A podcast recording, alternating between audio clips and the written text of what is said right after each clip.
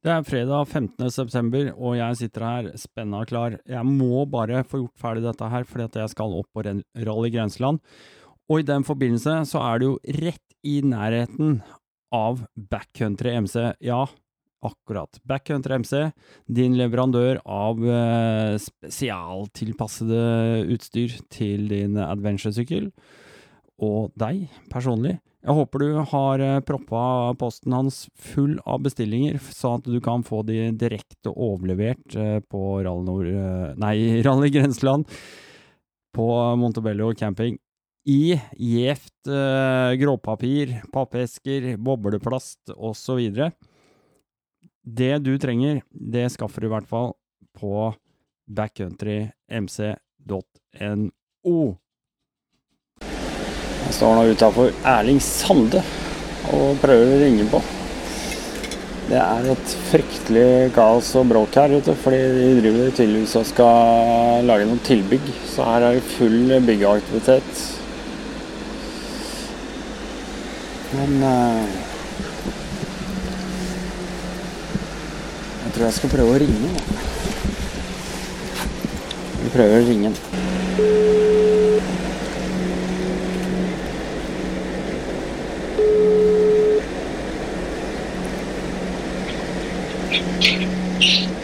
Det var Dennis. God dag, ja! Nå står utafor døra. Jeg var liksom redd for at du kom akkurat når jeg skulle spise, for da er jeg litt mamma.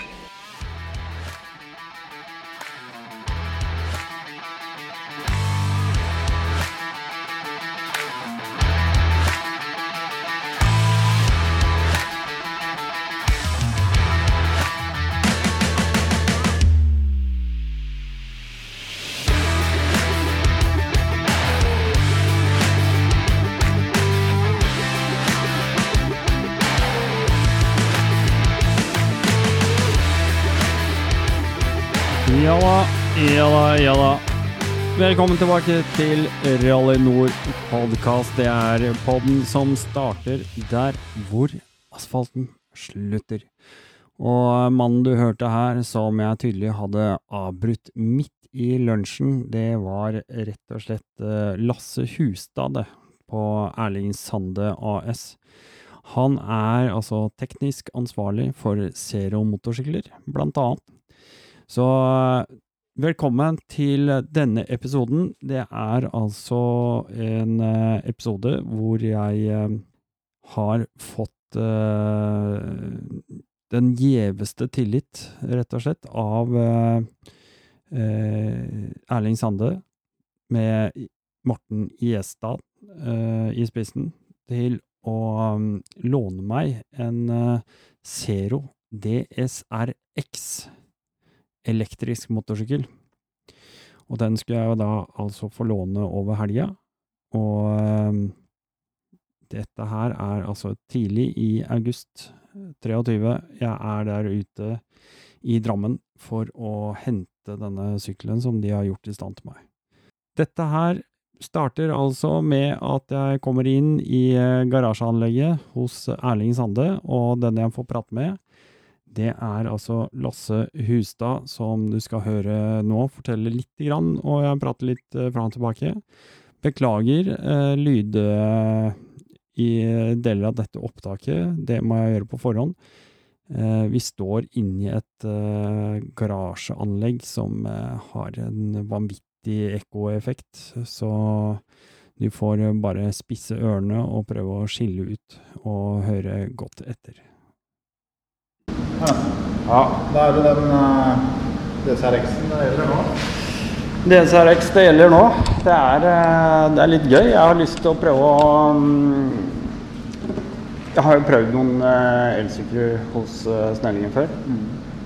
Den eh, vanlige DSR-en, den lille mellomstore DSR eh, Ja, den forrige DSR-en. ja. Ikke den svære. Nei, men du har SRF-en, ikke sant? Det er den her. Ja, den har jeg også prøvd. Så er det er en Det er en litt sånn navnesykkel òg. Eller så er det den vanlige D-serien, den som ser ut som uh, Ja, selv. Ser ut som ja. ja. Men det er nå på ja. Den har prøvd jeg i fjor. Ja. Det er jo helt rått. Jeg hadde en kunde som eh, sendte meg mail i går. Han hadde kjøpt seg SRS-en, den kobbersykkelen av den. Ja. Han lurte på, han var bare fantastisk fornøyd. Mm. Så lurte han på, han går jo så bra, men så lurte han bare sånn på spekket på 0-100. da. Mm. Det er jo, kommer helt an på hvem som kjører, men den her ligger jo nede på tre blank, liksom. På det beste. Nei, det er, det er, det er Men enda hadde de eh, kjørt en litt annen uh, mapping på den. Mm. Så han er jo han er litt soft i starten, Mm. for at du ikke skal dra rundt eller eh, Helt klart. Det må den være. Må være. Men dette her er jo litt oppi my alley, som det kalles. Ja. Uh, dette er jo for meg veldig interessant. Uh, litt av grunnen til at jeg tok kontakt med Morten også. Fordi jeg har lyst til å, å prøve å gjøre en ærlig, åpen, plain vurdering av hva jeg tenker i forhold til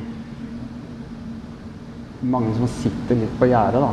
Det er mange som har kjørt bensinsykler i alle år, og som kunne tenkt seg kanskje hatt en elsykkel fordi at de pendler mest til jobb hver dag eller andre type ting. Og kunne kombinere det da med det å, å kjøre noen eh, litt eh, røffere grusveier og, og liksom være på tur samtidig. Og det her er jo litt av det eh, Kanskje terskelen for de fleste er jo lading. Ikke sant? Det er jo ikke noe å lure på. Men spørsmålet mitt er jo Er det noen som har testa det? Nei, det er jo ikke det. Jeg har lyst til å hive meg ut i purra og så bare se, fordi ikke sant? Nå skal du finne fram Du har funnet fram et par ladealternativer til meg og sånn. Tenk om jeg plutselig blir stående og så må jeg låne strøm på en hyttevegg. ikke sant? Det er jo mange som har aggregat på hytta. Ja, ja. ja Det går, det. Ikke sant? Da kan du så det er grille sånn- sammen med familien samtidig. Jeg har ikke noen planer om det, men det er liksom det å ha det i bakhodet, da. Jeg har jo kjøpt elbil, og jeg har jo egentlig sagt at jeg skal ikke ha det ennå. Jeg vil vente litt, da. men eh, jeg ser jo det når jeg fyller planken på den. 80-90 liter med diesel, liksom. Og når du treffer litt dårlig ut, så koster det penger. Og så er det jo, det er jo den derre kjøremetoden elektrisk er jo helt I hvert fall på motorsykkel. Jeg har kjørt mye motorsykkel og, og med girring og i kø og sånne ting. Ja. Det er jo elektrisk. Det er jo, det er jo ingenting som Ja. kommer i nærheten. Nei, det er akkurat det. Jeg skal ta med meg veldig mye av de punktene og, og liksom veie opp disse fordelene, for det er veldig mange fordeler. Hvis man bare kan se litt bort fra selve ladinga og liksom rekkeviddeangsten, på en måte, så er det det man sitter igjen med til slutt. Uh, Regnestykket, både kostnadsmessig og, og andre ting, som er veldig interessant å begynne å se på. Servicekostnaden her er jo minimal. ikke sant? Det er jo inn og sjekke og litt oppdateringer og kanskje bytte reim i ny og ne, og så er det dekk da, og brems. Ellers så er det jo ingenting. Helt klart. Den der koster 8000 kroner på 10 000 service. Ja. Er, Så må du er, gjerne sette den igjen et par dager. ja, det er, altså, det er eh, Nå er Snellingen grei med meg, jeg leverer den på morgenen og henter den på ettermiddagen, men de Det er mye penger, da. Veldig mye penger. Det blir eh, Dette her er morsomt. Skal vi prate litt om sykkelen generelt? Altså, er, liksom, hva, hva ville du sagt til en som skulle kjøpt en sånn sykkel? Hva, hva er viktig Er det noe du tenker er viktig for en potensiell kjøper å tenke på? Jeg, jeg, er jo på den der at eh, det koster ikke all verden å eie det når du først har kjøpt det. Det er jo en eh, litt stiv pris på det, men nå er det jo mye, mye minuser ute og går der. Den Ja. eh, Enova og den Go Electric-kampanjen, og det Mm. hjelper jo på. Mm. Så er det det, det koster mye penger å drifte en bensin Ja. eller hva som helst. kontra det her sånn. Men Ja. som jeg sa, det er jo ikke store, det er ikke store å ha en sånn på. Nå har ikke jeg sjekka med sendingen hva de Nei da, nei, nei, da. Jeg skal ikke sette deg opp som en forselger på noen måte. Jeg bare ville Men så er det det at det er mange som tenker miljø. Alle som kjører elbil sier at de gjør det, men jeg tror ikke noe på Det Det tror ikke jeg på. Det, men eh, han må jo tenke litt i det. Men jeg har to småtisser hjemme, og de skal jo kanskje bli 80-90 år ennå. Ja. Jeg er bare sånn Når jeg testa denne her sånn, Jeg har kjørt alle de andre masse, men når vi var på Sicilia, det var launch på den, Mm. Og vi kjørte den opp til den vulkanen der oppe. Bare sånn Det var oppover gokartløyper, liksom. Ja. Jeg tenkte fy faen, jeg hadde ikke hatt sjanse til å holde følge med DR-setten min engang, som jeg kjører fort på banen med, liksom. Ja. For det, var, det er så på hele tida. Og, og handlingen på den var overraskende. Jeg kjørte så jeg suppa fotgivere på den Mm. i svingen. Og jeg hang jo på han instruktøren, for jeg tenkte enten så må jeg ligge bak han, eller så kan jeg bare kjøre mitt eget løp midt inne der og prøve litt. Ja. Og det var gøy, for han skjønte at jeg hadde kjørt litt før. Så Mm. det, men handlingen på den, det var bare alfa omega Mm. i forhold til den forrige versjonen. Da. Så det har skjedd Alt er jo nytt på den. Ja. Så trekker den deg, og så er det jo, hvis det er noen som er borti og vipper på den, så får du beskjed på appen. Mm. Så eneste som, eh, som kanskje mangler på den, er jo det at eh, man burde sagt fra hvis du har litt lite strøm. Det er jo midler tilbake igjen til, eh, også, for det er jo noen ganger disse står gjerne en fire-fem måneder, ikke sant? Og da skal, Ja. du, da skal du sjekke Riktig. strøm Riktig. hver måned. Så han sier ikke fra hvis han står og tapper seg over tid, nei. For det litiumen er jo sånn at den spiser mer eh, internt enn et vanlig sydbatteri. Mm. Eh, Så det, det jobber de med. Mm. Det har vært for da får du en pling, ikke sant. Da er det på 30 nå må du dra og lade. Mm. For det er jo, vi bor i et land som du ikke kjører hver eneste dag hele året. Hvert fall noen av oss. Ja, ja, helt klart. Helt klart. Ja. Men så er det jo Jeg hadde med meg frua. Vi var på, på den hubriding-turen til uh, på Geiranger, eller i Geiranger. Kjørte oppover uh, Trollstigen og alle de der. Men hun bakpå, hun bare Hun elsker det. Hun får ikke det der røkk og napp og Nei. gir og Det er bare sånn Det bare flyter. Ja, det flyter som bare sky, egentlig. Ja, ja.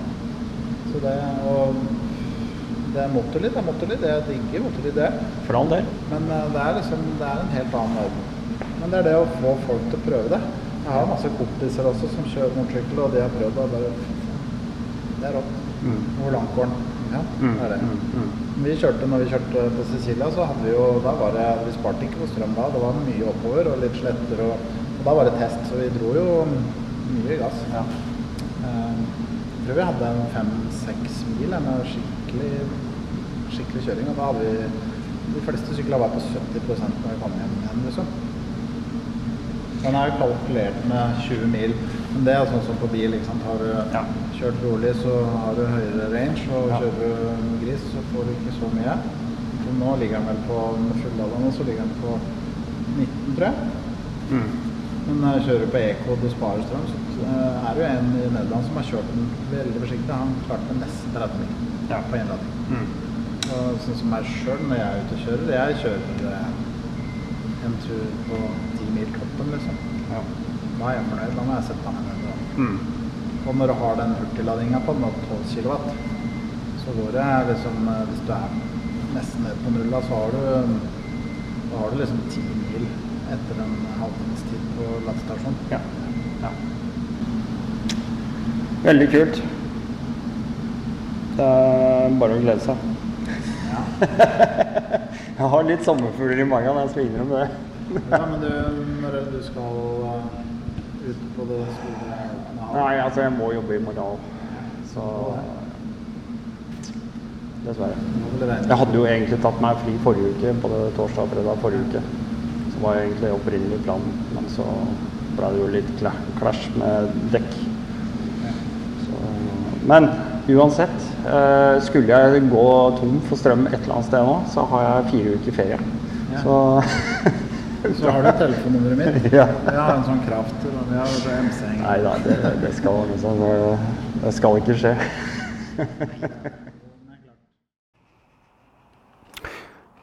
Ja, da er det jo bare for meg å så ønske deg hjertelig velkommen tilbake til Rallnord Rally podkast.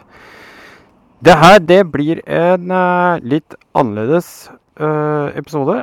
Og som jeg på en måte Vi har eh, Ja, det har vært i planene en stund nå. Eh, for de som har fulgt med litt tidligere, så fikk dere med dere at jeg hadde en episode med Morten Gjestad fra Erling Sande AS, som er importør av bl.a. Zero motorsykler, altså elmotorsykler. Eh, det er, var jo en interessant episode.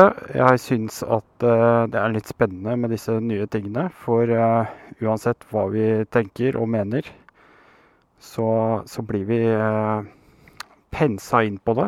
Det kommer, uansett om vi vil eller ikke. Jeg står nå ferdig rigga, klar utafor hos meg selv. Jeg har jo vært og fått uh, henta en uh, Zero DSR X. Det er uh, det de selv kaller en adventure-sykkel. Ganske svær, uh, robust doning. Den har uh, Sånn som den ble levert til meg, så har jeg nå fått den levert med veltebøyler og koffertsett. Altså de gamle, gode pølsekokerne som vi kjenner fra før av. Fra SV Motec. Det er de uh, Trax Adventure-utgavene. Uh, det er mye å si om den sykkelen her. Nå står jeg utafor, ferdig påkledd og pakka og lessa ned.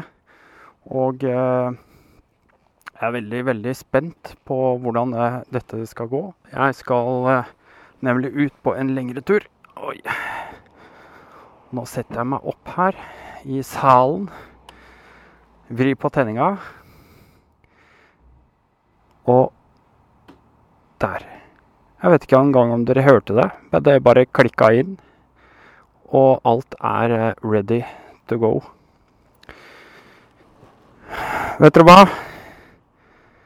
Jeg uh, håper at uh, jeg skal få lov til å si en uh, Ja, gi dere en, en um, nøytral og god review på denne sykkelen. Jeg starter herifra med ganske blanke ark. Jeg har ikke latt meg påvirke av eh, noen som helst i forhold til uh, å gått og sett andres uh, YouTube-reviews eller lest meg opp eller sånne ting fra andre. Det vil dermed si at det jeg sier, det er ut ifra det jeg opplever og tenker. Jeg skal ikke lage dette her til en uh, politisk episode hvor vi diskuterer hvorvidt vi skal uh, ha olje, bensin, diesel eller batteri. Det er en helt annen uh, sak, og som jeg ikke kommer til å touche inn på. Jeg syns ikke det har noe med saken å gjøre nå. og i hvert fall ikke i Rally Nord. Og så tenker jeg at uh, når jeg vrir på tenninga nå, så står den faktisk i eco-mode. Jeg har 86% på batterikapasitet, står det. Range 195 km. Det er jo veldig avgjørende hva slags hesteheter jeg holder, så får vi se åssen det går. Uh, når jeg uh, kjører av gårde nå, så tenker jeg Utgangspunktet var jo at jeg skulle rett og slett uh, kjøre opp til Ringebu og starte derfra og ta liksom et par runder med Roadbook Sør-Norge. Men etter en samtale med Dag Jensen så fant jeg ut og tenkte meg til at for det første så er dette en ganske drøyt svær motorsykkel med pølsekokere på. Eh, tungt lasta. Aleine. Og eh, det har regna veldig mye i det siste. Jeg vet at eh, han selv sier noen av de rundene som han har laga, der kan det være veldig bløtt på enkelte steder. Han vet ikke helt åssen de andre rutene er, så for å ikke dette er jo et utstyr som er lånt til meg. Eh, da har jeg lyst til å levere det tilbake like helt og fint som jeg fikk det. Så er det også sånn at uh, egentlig skulle jeg lage denne reviewen forrige helg. Uh, og uh, dermed hadde jeg tatt meg fri på torsdag og fredag. Erling Sande klarte ikke å få lagt om dekk.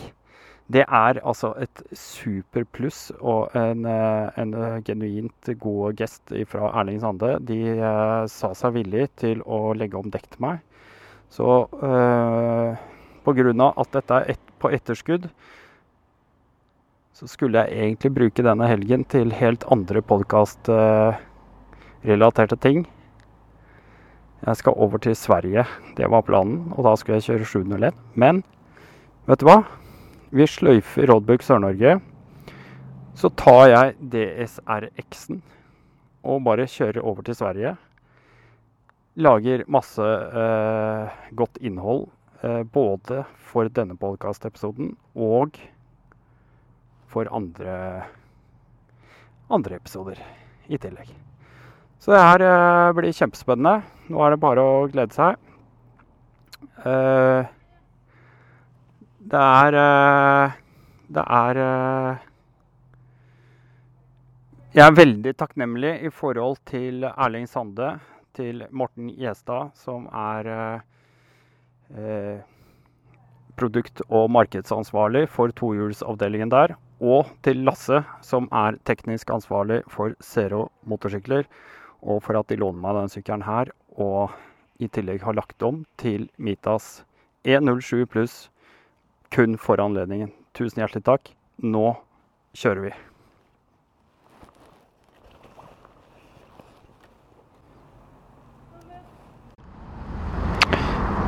Ja, da da er det jo egentlig bare å ta, ta et tak og så ta den første strake utfordringa. Jeg er nå i Slåttenberg i Sverige. Og på Google Maps så kan du søke opp ladestasjoner for elbil. Så det er jo en ny øvelse, for så vidt. Fordi det er jo ganske enkelt. Når du skal ha en bensinstasjon, så er det som regel svære, flerrende skilt langs veien med priser og i det hele tatt. Det er eh, nesten umulig å ikke legge merke til. Men disse ladestasjonene de sklir litt sånn Noen av de sklir litt sånn i ett med parkeringsplasser og sånn. Og nå har jeg første utfordringa kommet til en ladestasjon. De kaller dette her eh, Mer. Eh, og jeg eh, har ikke hurtiglading, sånn type Kademo. Så jeg må lade på en sånn enkel stasjon. Og jeg regner med at dette er en eh, app-stasjon. Fordi jeg tror at jeg må ha et kort Nei. Lade med app. Da eh, Da må jeg laste ned den appen. Mer app. oh my god. Ja, men det blir interessant. Nye øvelser. Jeg får finne telefonen min først, og så får vi rapportere mer etter hvert. Etter hvert her. Skal vi se.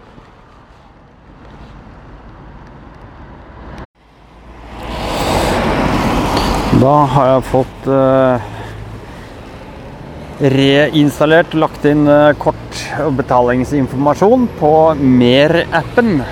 Eh, og da er det sånn at jeg bare trykker på kartet hvor jeg står, og så står det egentlig her 'Anslutt ladkabelen i avstengt bil'. Da begynner vi med det. Nå har jo ikke jeg noen bil, da. Men jeg regner med at det går akkurat det samme. Sånn. Så setter jeg altså riktig ende av denne type 2-kabelen i sykkelen. Sånn. Det skulle være greit. Og så anvisning står det videre. Velg uttak i appen og trykk start. Eh, ja vel.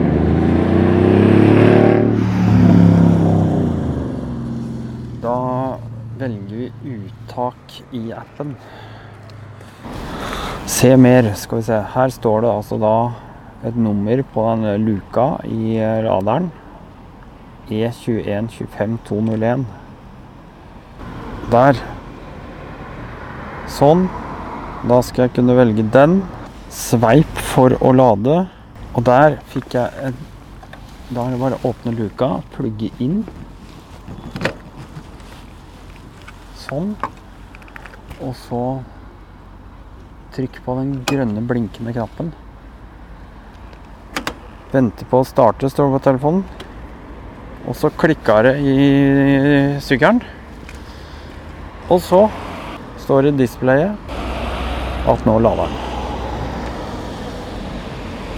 19% 19 Dette er en 22 kW lader, og nå lader i hvert fall sykkelen. Så står det 'time left'. Dette gikk rasende fort ned, da. så han tydelig Altså, han beregner Men han lader altså med 6,5 kW eh, hastighet. Det er maksimalt på den sykkelen her. Eh, og med det ladesystemet som er bygd inn i sykkelen, så er det 6,5 som er maks. Og da står det at jeg har 1 time og 44 minutter til 100% Men jeg skal ikke til 100% Men nå står den på 19. Jeg eh, lar den stå her, og tusler jeg over gata på shoppingen en liten tur. Få med litt noen nødvendige saker og ting. Mat og annet som jeg trenger. Og så regner jeg med at jeg har eh, nok strøm til å komme meg dit jeg skal i dag. Det er ikke så veldig langt jeg skal, så egentlig ikke ikke viktig å lade veldig, veldig mye, tror jeg. Jeg tror nemlig at jeg skal få lada der jeg kommer. Men Det finner vi ut. Første steg, første offisielle lading, er altså herved i gang. Så der. Jeg vet ikke hvor lenge jeg har vært borte nå, eh, men ah, det er litt synd at jeg glemte å ta tida på det. Jeg har i hvert fall fått på 66 så jeg gikk jo fra 19 til 66. Kanskje en time jeg har vært borte. Jeg har vært og surra litt inn på senteret her, og så har jeg handla litt i butikken. Og så har jeg vært og spist på Mækkern. Og det er jo sånn som man fort kan komme til å gjøre uansett. Og nå har jeg mer enn nok uh, range til å komme dit jeg skal. Det står her nå på displayet at jeg har 129 km. Så jeg tror jeg bare avslutter her, fordi at jeg skal få lada i natt. Det har jeg eh, fått ordna. Det Da er det ikke noe vits i å stå her og betale og vente. Så får vi se. Den har lada i Her står det på appen min 57-58 minutter akkurat nå. Så det er bra. Og da kan jeg bare sveipe for å sanse. Sånn. Der klikka det. Og så løste den kammeren ut. Og jeg er ferdig å gjøre det jeg skal. Og nå skal vi se hva jeg må betale. Den beregner vel tiden og antall eh, hvor mye strøm jeg har brukt. Så jeg venter litt på den appen, skal oppdatere det. Og så mens vi venter på den oppdateringa der, så kan jeg jo ta en liten eh, morsom eh, historie. Fordi jeg, eh, jeg eh, lada sykkelen i, i, går på jobben. Fordi vi har sånne ladestasjoner på jobben, og så fikk jeg tilgang på en sånn. Så jeg bare plugga inn med den type 2-kabelen min og fikk en, en, kollega til å starte for meg, for det er sånn betalingsapp, og jeg gadd ikke, gadd ikke ordne med det da. For det er sånn ja, internt greie. Men eh, nok om det. Jeg skulle hjem på kvelden i går og fikk fader ikke den kabelen ut av støpselet i, uh, i uh, sykkelen. jeg var, jeg var så forbanna, og jeg sto og reiv og sleit, og jeg skjønte jo egentlig Men det, det var liksom ikke noen knapp. Det var ikke noen sånn utløserknapp, ingenting. Så enden på visa var at eh, i frustrasjon og slitenhet i jobb og sånne ting, så holdt jo holdt jo jeg i to minutter før jeg tok opp telefonen og ringte Lasse. Og så svarte ikke han med en gang, heldigvis, eh, på en måte. Og så tenkte jeg eh, kanskje jeg rett og slett må bare sette nøkkelen i tenninga. Så det er det du må. Du må sette nøkkelen i tenninga, så må du vri på så du skrur på sykkelen. Sånn. Og da ser du sånn knepp, og da kan du dra ut kontakten fra støpselet på sykkelen. Så det er tyverisikring, dere. Det er jo faktisk ganske bra, det, da. Det må jeg si. Veldig, veldig bra. Det står fortsatt her på den appen at den stopper, men det er jo bare tull. Historikk. Ja. Skal vi se. Det kosta 37 kroner og 90 øre for den ladinga her. Det er jo selvfølgelig ikke noe gratis å lade på sånne stasjoner. Men altså, 40 kroner da har jeg kjørt uh, rundt 16 mil for 40 kroner på en sånn ladeautomat. Det er jo noe å putte i regnestykket, da. Og tenk deg hvis du da gjør dette hjemme i veggen. Da blir det enda billigere. Så jeg må si det at uh, det er jo ganske hyggelig det er Nå snakker jeg kun den positive siden, da. Pris. Etter nå en uh, fantastisk uh, stopp på Mangwood Inn langs svensketeten, så er det nå på tide å få på seg habitten igjen og tre på seg hjelmen. Sale på seg litt sale på det utstyret som eh, skal, og eh, jeg har fått lada sykkelen 100% Og så tenker jeg jeg skal kjøre et lite stykke før jeg stanser igjen, og så Ja. Rett og slett bare se hvordan eh, dagen ender. Hva dagen bringer. Jeg har noen planer, selvfølgelig, men vi bare setter kursen, og så ser vi hva som skjer.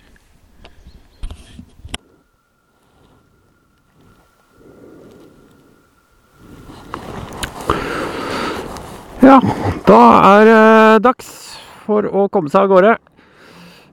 Jeg har jo da tilbrakt uh, går og i natt har jeg vært uh, hos uh, vertskapet til uh, Mangbod Inn, som nå ligger inne som en point of interest på Tet GPX-filen i Sverige.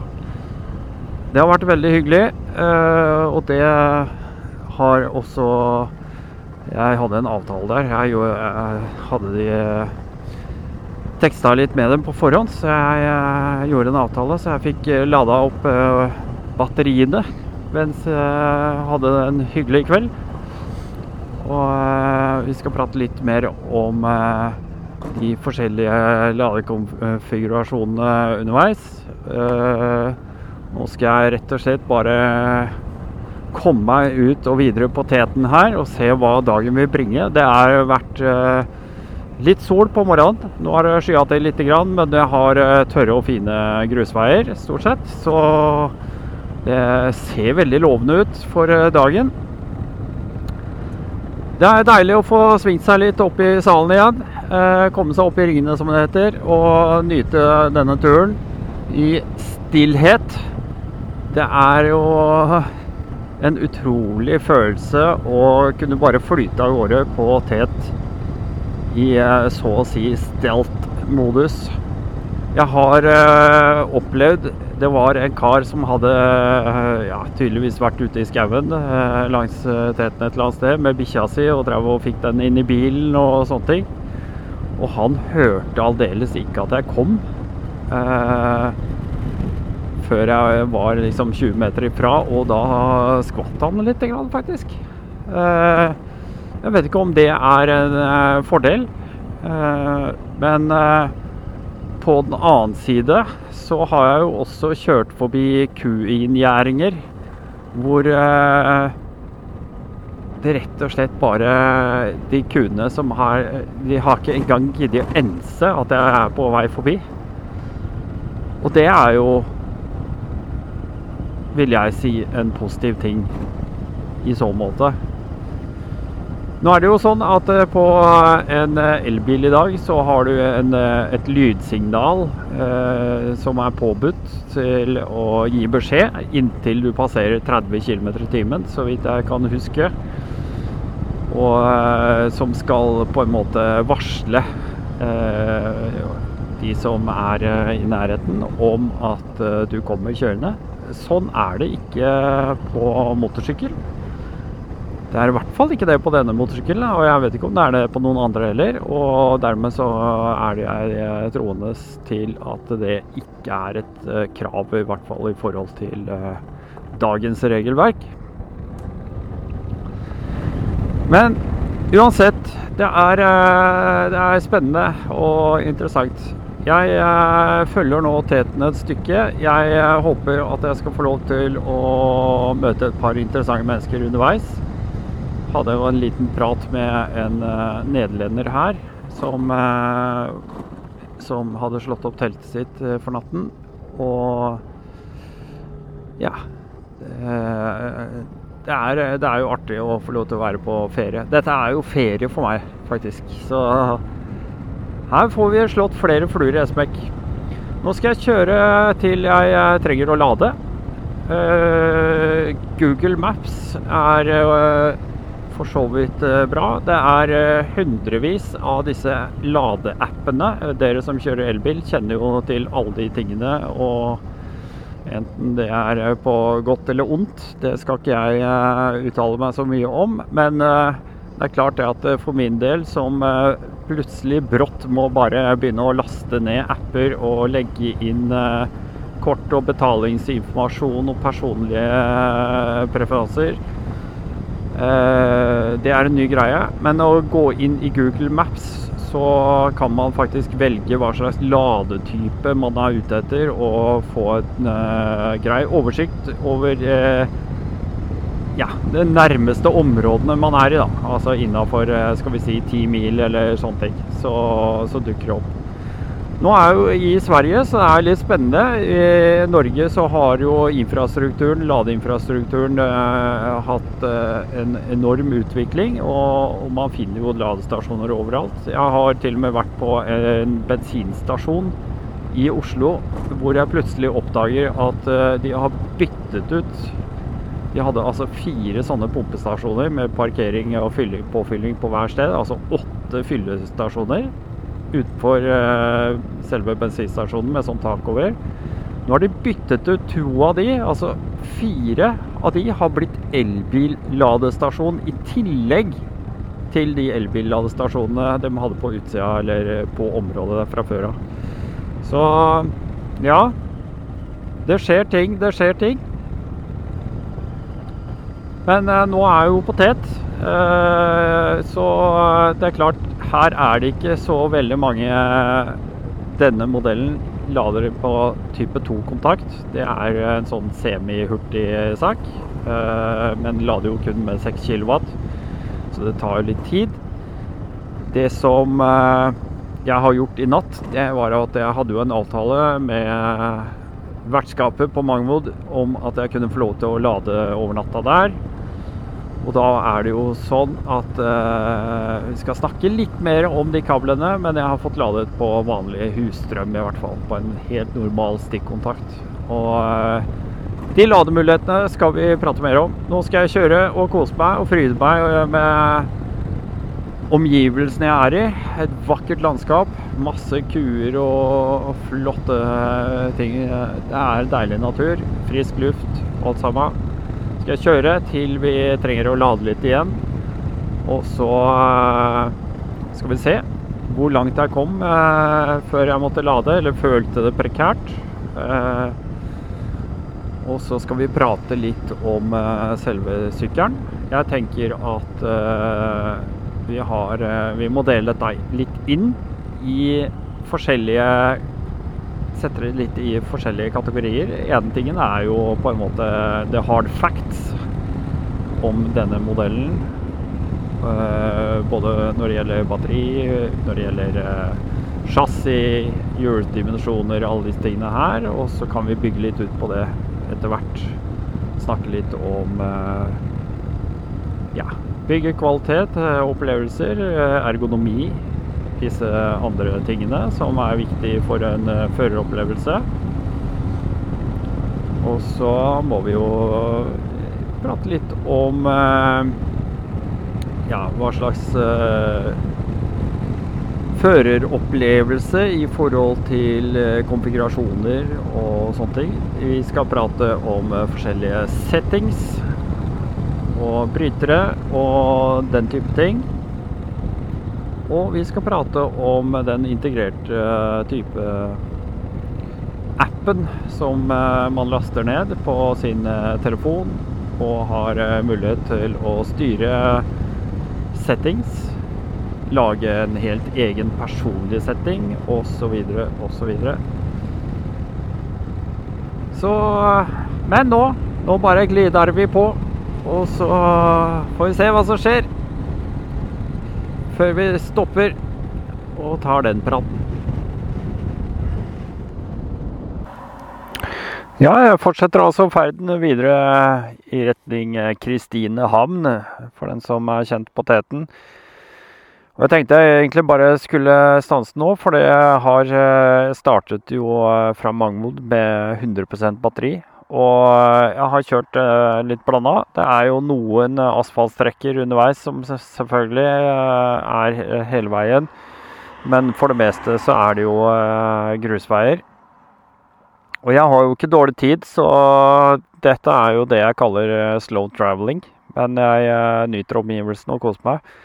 Jeg vil bare stoppe og si at nå er batteriet nede på 75 og trippen sier at jeg har kjørt 54 km.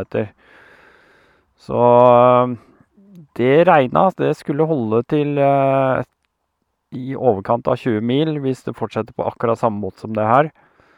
Men det er litt tidlig å si. Vi fortsetter å kjøre, og så ser vi hvordan det ligger an etter hvert. Jeg har akkurat nå stoppa rett på teten eh, langs en toglinje. Og så ser jeg på andre sida av toglinja, så var det to motorsykler. De har kjørt feil vei, for de skulle egentlig vært på denne sida her. Og nå har de snudd og kommer tilbake. Så tenkte jeg skulle bare rett og slett stoppe og se om eh...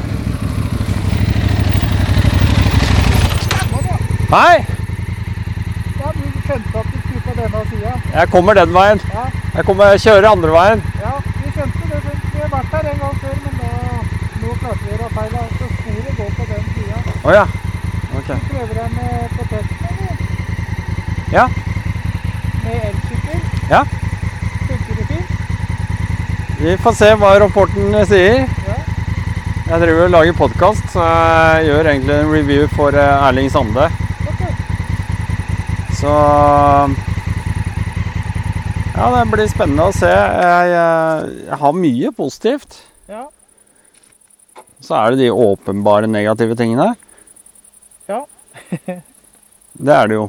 Men eh, spørsmålet er om det går an hvordan man liksom skal sno seg rundt det òg, da. På en måte. Ja.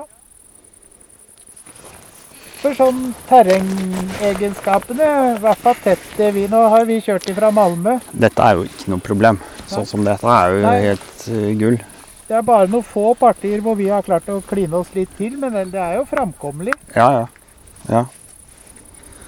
Nei, så jeg har ikke vært oppi noe seriøse, dype greier. Um, men, eh, men det er klart, her er jo Det er bakkeklaring og det er moment i, fra null, og det er jo ikke noe Sånn sett så er det jo dekk og sånt noe. Hjulstørrelsen har litt å si, selvfølgelig. Jeg har ikke noe 21 foran og sånn. Ja. Ja, men en ja, for det er 21 foran? Nei, det er ikke. Nei, ikke Det er jo 17-19. støpte hjul. Ja, mm, ja, Ja. Så er alle de greiene der, da. Hvor mye veier da, Spør om det. Hvor Mye veier den, da? Veier vel eh, omtrent like mye som den der eh, Africa Twin, tenker jeg. 230. 230-40. Ja. Mm.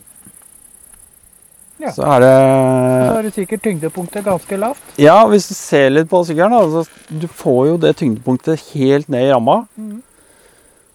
Og så har du bare det gjør jo setet veldig, veldig lavt.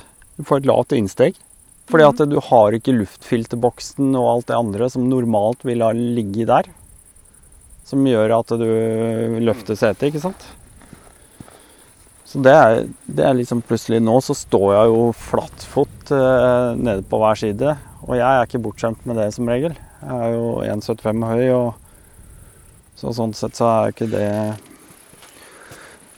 Det som eh, Ja. Og alt dette her er tomt. Dette er bare skall. Så oppi her er det jo kjempesvært eh, rom. Så her liksom bare slenger jeg kamera, brusflasker, er capser. Nei. Og det her, og tilsvarende på andre sida, det er bare å skru ut to skruer, så har du svært eh, rom inni her.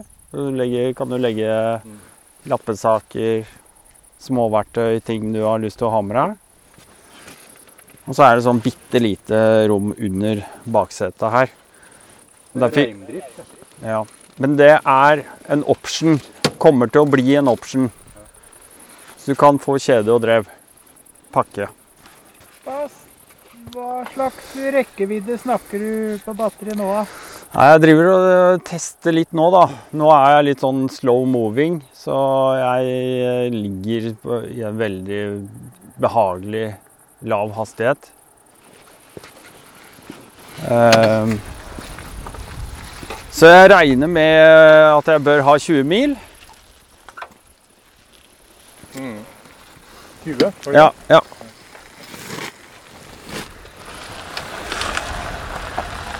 Og så er det jo eh, sånn type tolading på den her. Som gjør at den eh, lader jo ikke mer enn eh, maks 6 kW.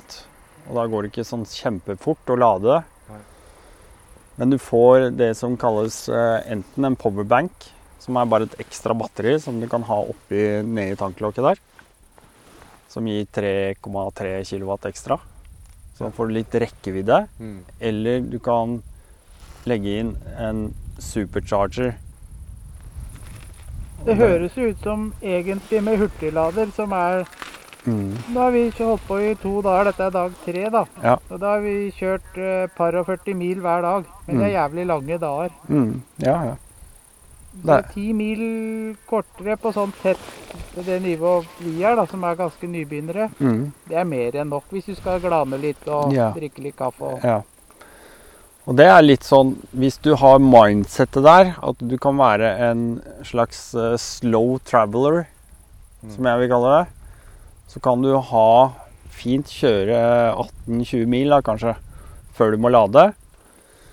Og så kanskje du stopper på et eller annet sted som er fint. Mm. Tar du deg en kaffe, en matbit, Det blir litt sånn som eh, kikker litt rundt. på med elbil òg, at du, du må planlegge litt mer. Ja, du må det. Mm. Mm. Så Men det mangler den derre hurtigladinga. Mm. Ja, for det bør være sånn at du hvis, si du må ha én lading gjennom dagen, da, så i hvert fall én stopp. Og da bør du komme til 80% i hvert fall. Ja, ja. ja, det gjør det. Borti det. Men så har du jo muligheten til å lade på, på vanlig stikkontakt, da. Så det er sånn på Så sånn på natt- og så overnatting og sånt, så er det jo helt greit. Men Ja. Og det er jo ganske stilig. Nå har jeg to kabler med meg. Den ene er en sånn type 2-kabel som lader 6 kW. Og så kan jeg ha en annen kabel som jeg kan putte i vanlig stikkontakt. Og den er veldig liten og fin, sånn bitte liten eh, justeringssak. Og der kan jeg justere om jeg vil lade på 6, 8, 10 eller 16 ampere. Ja. Så da kan jeg egentlig lade ut ifra hvilken sikringstype jeg har. Hmm. Ikke sant? Så, så at jeg kan faktisk booste opp da, eh, til 16 ampere hmm. hvis eh, sikringa tillater det. Eller jeg kan gå helt ned på 6 ampere. Hvis det f.eks. er andre ting som går på samme kurs og sånn, ikke sant. Mm. Ja, Så- så slipper at du må løpe i sikringsskap og Ja.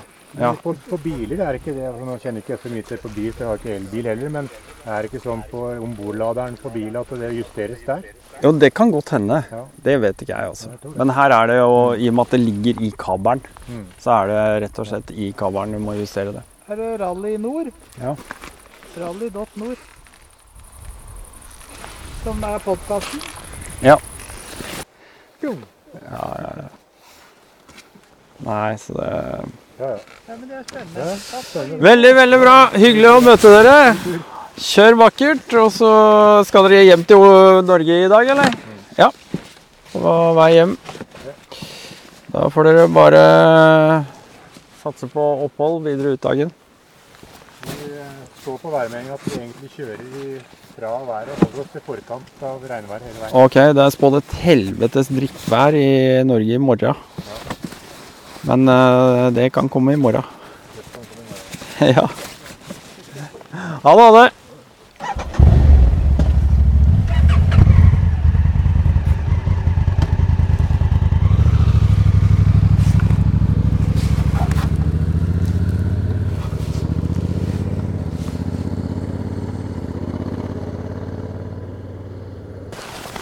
Yes. Nei, men det var um, Det var et lite møte på veien, det. Alltid hyggelig å eh, liksom bare møte folk sånn litt random. Ofte så stopper jo folk og hilser og slår av en eh, fem minutter. Så eh, sånn som i dette tilfellet her. Ehm, veldig greit da å være ærlig, tenker jeg. Jeg har ikke noe eh, Har ikke noe igjen for å holde igjen på den informasjonen som jeg mener er riktig.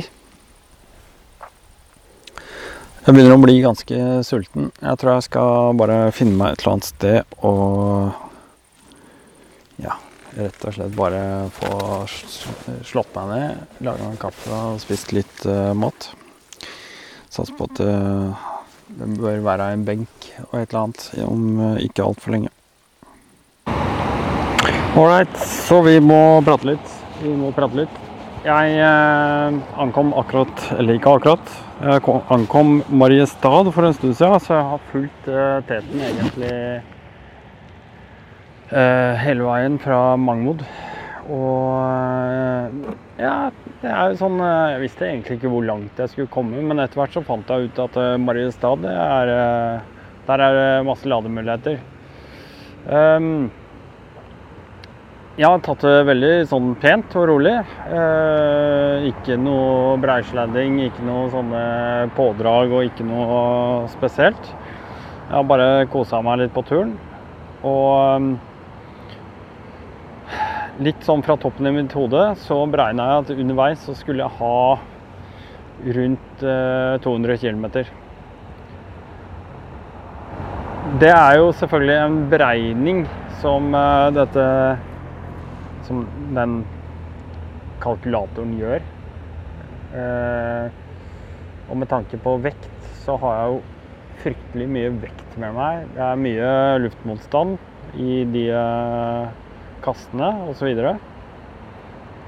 så jeg tenker at eh, 200 km i forhold til forventet, det er kanskje ikke så gærent. Men uansett så har jeg kommet meg til Mariestad, og jeg kjørte rett på en ladestasjon. I Google Maps så finner du masse av de. Du kan velge hva slags eh, lading du trenger, og så sorterer den eh, ut det som er uinteressant.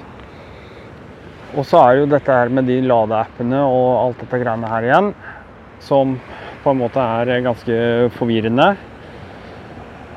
Så jeg endte på eh, en ladestasjon utenfor et eh, lite sånn eh, senter, butikksenter, som så egentlig ganske bra ut. Men som viser seg at det er en sånn svensk ladestasjon som du må rett og slett bli kunde og bestille en sånn RFID-brikke.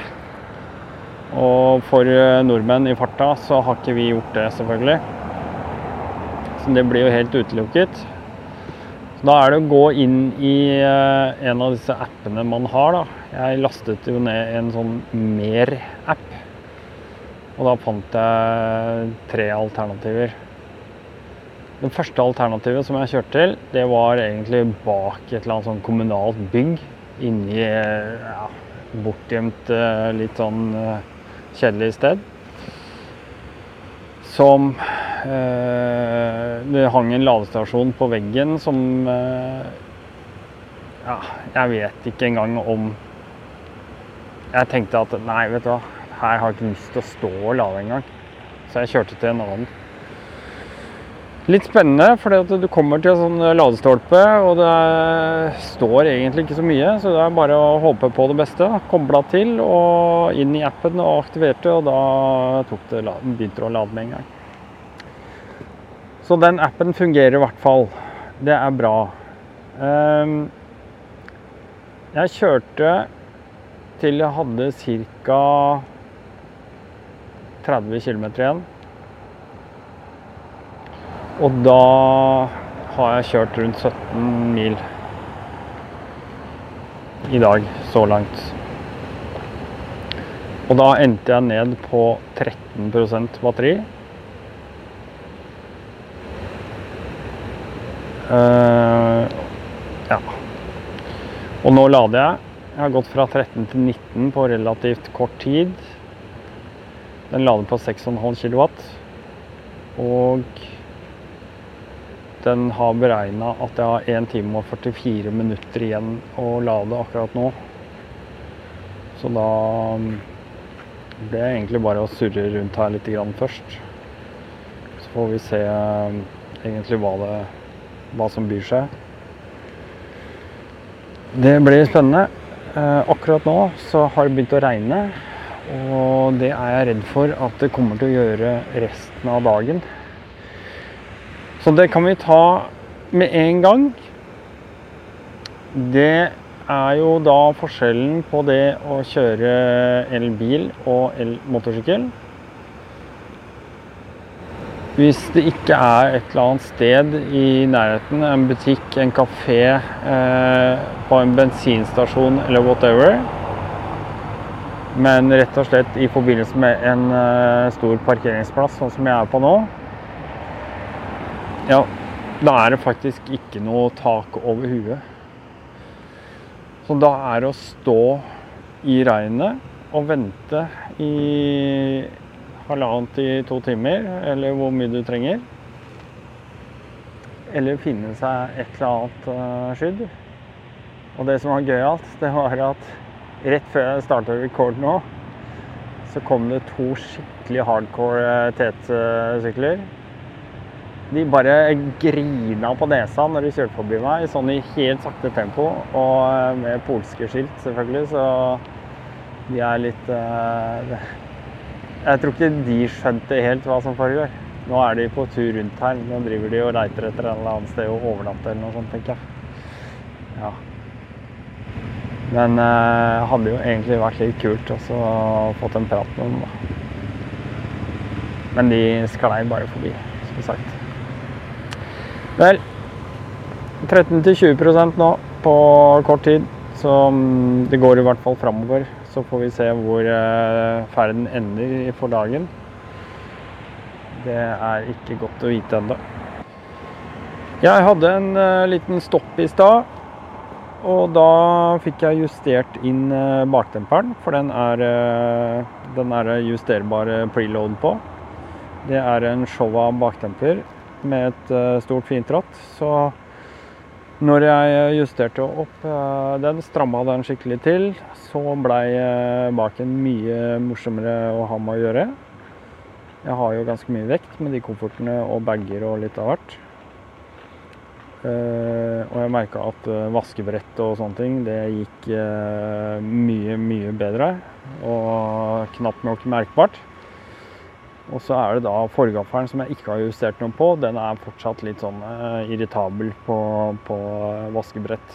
Men eh, det skal gå an å justere med eh, noen klikk og justering med, med skrutrekker. Jeg vet ikke om jeg har tenkt å gjøre akkurat det, altså. Det tror jeg nok ikke jeg skal. Ja. Mer etter hvert. Mer etter hvert. Nå skal jeg finne litt uh, ly for uh, regnet, faktisk. Vi tar et uh, kort avbrekk i denne ordinære episoden, og bare forteller om at den er levert til deg av patrients. Bare så du vet det. Det er patrions som holder denne plattformen gående på alle mulige måter. vi er ja, av de få pagesene jeg har, så er det det som eh, skal til da, for å liksom akkurat holde det flytende. Men det er jo ikke akkurat noe mer enn det heller. Så hvis du har lyst til å være med og bidra med en uh, liten slant i måneden, så hadde jeg satt ekstremt stor pris på det. det kommer veldig, veldig godt med. Um, så hvis du syns det er hyggelig med stoff som dette, og andre relaterte ting som har eh, med motorsykler, som kjøres etter asfaltkanten, så vær så snill, bare finn ut mer. Du kan gå inn på nettsiden rallnord.no. Du kan gå og klikke deg inn på linkene nede i shownotes, og uh, gå rett inn på Pagen-accounten der. Eh, bla, bla, bla. Du finner Rally Nord uansett, bare du søker i Google-feltet ditt på telefonen, så det er egentlig ja, ikke mer enn det som skal til. Takk for at du lytter uansett. Vi fortsetter denne episoden nå. Da har jeg eh, rett og slett eh, satt meg ned og tenkte jeg skulle ta en liten gjennomgang av eh, de oppgitte speksene som er. Mens det bøtteregner ned på utsida, og ingenting er gøy der ute akkurat for øyeblikket uansett, så er det jo god tid til å drive med det. Det um, som Skal vi se Plinger det som vanlig her, da, selvfølgelig. Uh, det som um, jeg tenkte vi skulle begynne med, er egentlig å bare gå gjennom litt grann hva Eh, Zero sjøl oppgir av Specs. Det er jo alltid interessant å ta det i utgangspunkt og vite litt om det på forhånd. Og så litt senere så skal jeg ta og uttale meg om hvordan jeg har opplevd dette her kombinert. Det, det, skal vi komme tilbake til. Men rett og slett, for å komme i gang, så snakker vi om uh, batteri. Det er altså det de kaller et Set Force-batteri. Det har 17,3 eh, kW. Uh, det er et litium-ion-batteri som gjør DSXR Nei, DSRX i stand til 290 km rekkevidde i forhold til bykjøring. Dette er jo selvfølgelig deres egne oppgitte tall, så det skal vi alltids ta med i betraktning.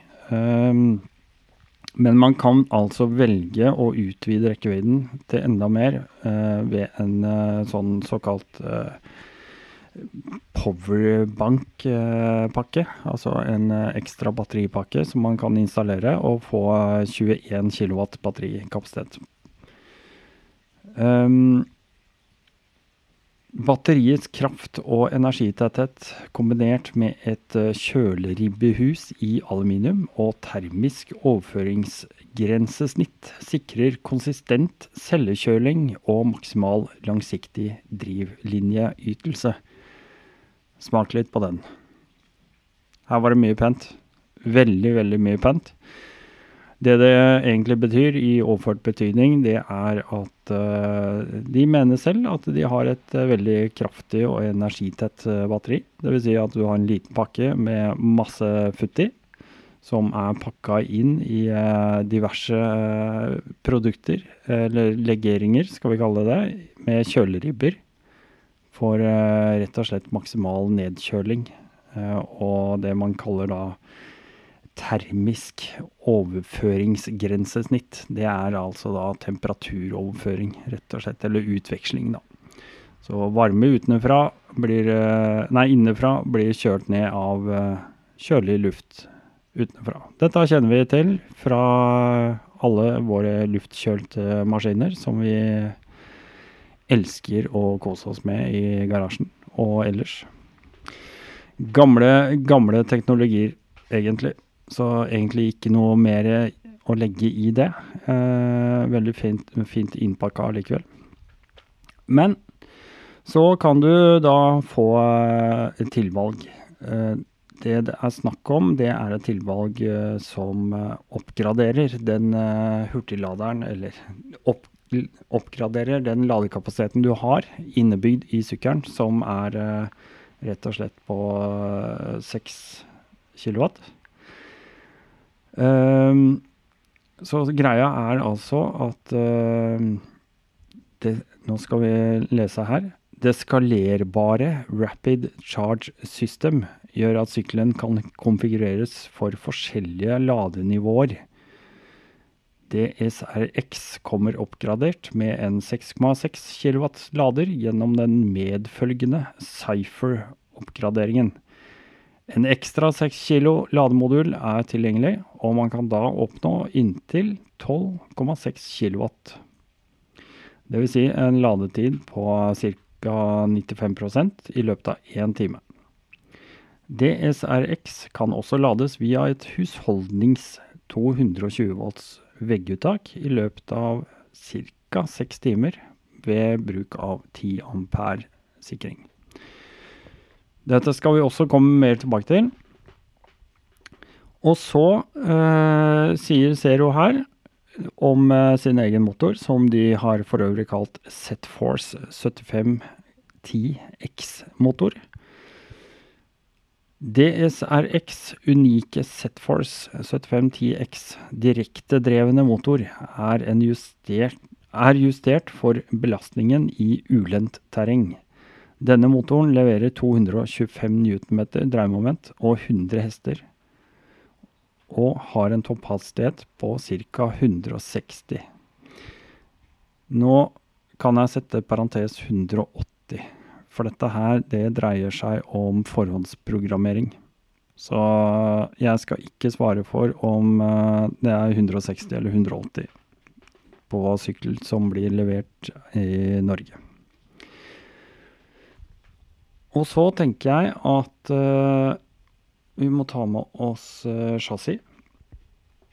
Det er jo, som dere ser på bildene, en slags rørramme konstruksjon som uh, ligner litt på det vi kjenner igjen fra 690 og 701 og all de, den serien der. Skal vi ta med Gassgass 700 også, da, for å ha fått med hele trioen. Um, det var bare eksempler, bare for å ha sagt det.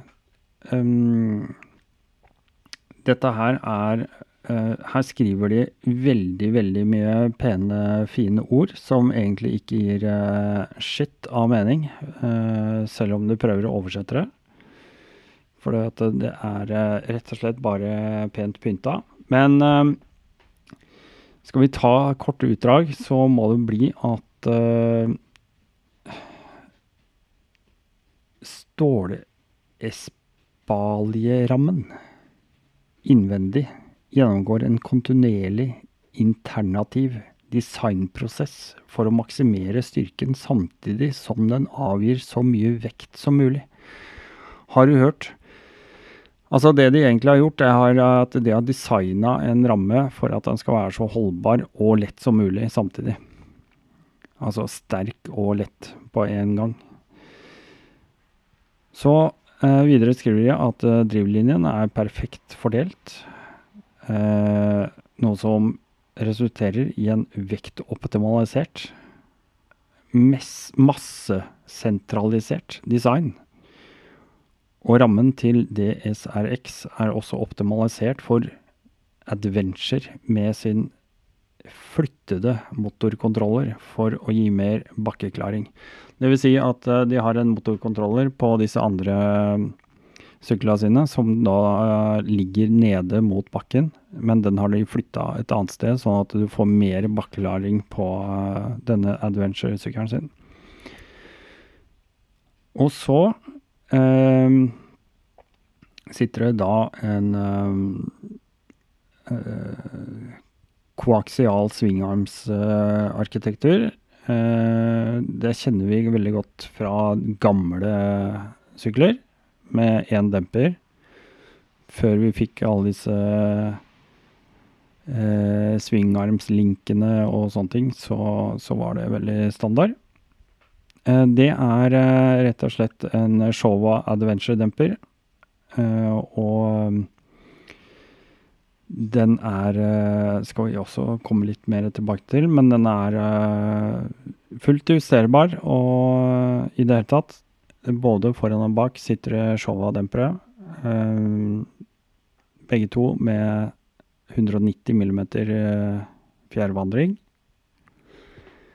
eller hjulvandring er mer riktig å si. Og så Eh, skal det sies at chassis, sånn som det ser ut, så ser det ut som det er en tank. Sånn der vi pleier å ha tanken på en motorsykkel med bensin, så er det egentlig bare en veldig tom kasse. Og inni der sånn, eh, og et lite parti under setet som til sammen utgjør 28 liter med pakkekapasitet. Det er ganske spesielt. Det skal vi også prate mer om. Og så eh, må vi gå over på bremsesystemet. Altså DSRX er Ziros første modell med ko uh, kobla bremsesystem. Kontrollert av det integrerte Bosch uh, Advanced Stability Control System aktiveres den umiddelbart når den registrerer tap av trekkraft eller skrens. Systemet bruker umiddelbart riktig mengde bremsekraft på JU1-bremsene foran og bak samtidig, og gir ekstra kontroll når du kjører opp eller ned i bratt, løst terreng. Ganske avansert der, altså, med andre ord. Så går vi over til dashbordet. Og her skriver de veldig enkelt tilpass eh, dashbordet ditt. Velg informasjonen du vil ha, og se den tydelig på den flerfargede femtommers TFT-skjermen. Og så har vi kontrollene på styret, som innehar eh, multimodusnavigasjon. Som uh, muliggjør endring av kjøremodus mens du kjører. Den har cruisekontroll og oppvarmede håndtaker og mye mer. Dette skal vi også komme tilbake til. Så er den jo beltedrevet. Uh, Zero har uh, eh, samarbeida med Gates Carbon Belt Drive, som uh, kanskje er uh, ledende på beltedrift.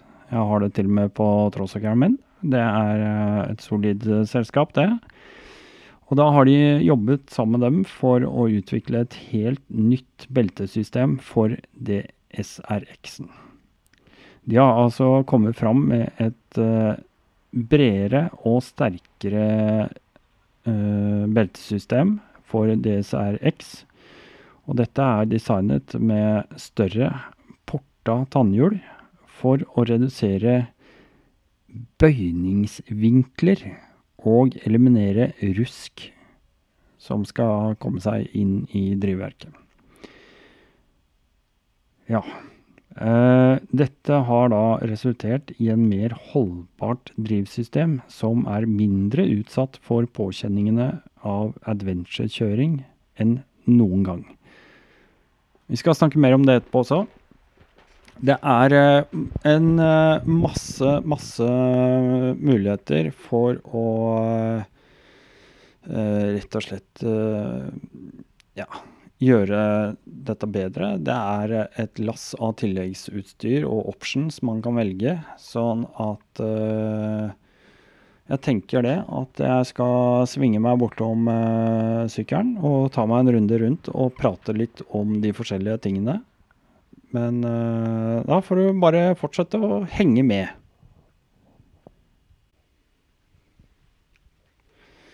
Ja, da tenkte jeg rett og slett at eh, det er på tide å ta seg en liten runde. Um, jeg har jo nå kjørt uh, x antall uh, mil, jeg. Med denne sykkelen som jeg har fått låne av Erling Sande. Og tusen hjertelig takk for det. det har vært en kjempehyggelig opplevelse. Men aller først nå så skal vi gå litt gjennom. Jeg tenkte jeg skulle bare snakke litt om den sykkelen som jeg har eh, fått låne her, og, og, liksom bare Nå har vi hørt om eh, eh ja, eh, det som, det som, står på nettsidene, mer eller mindre.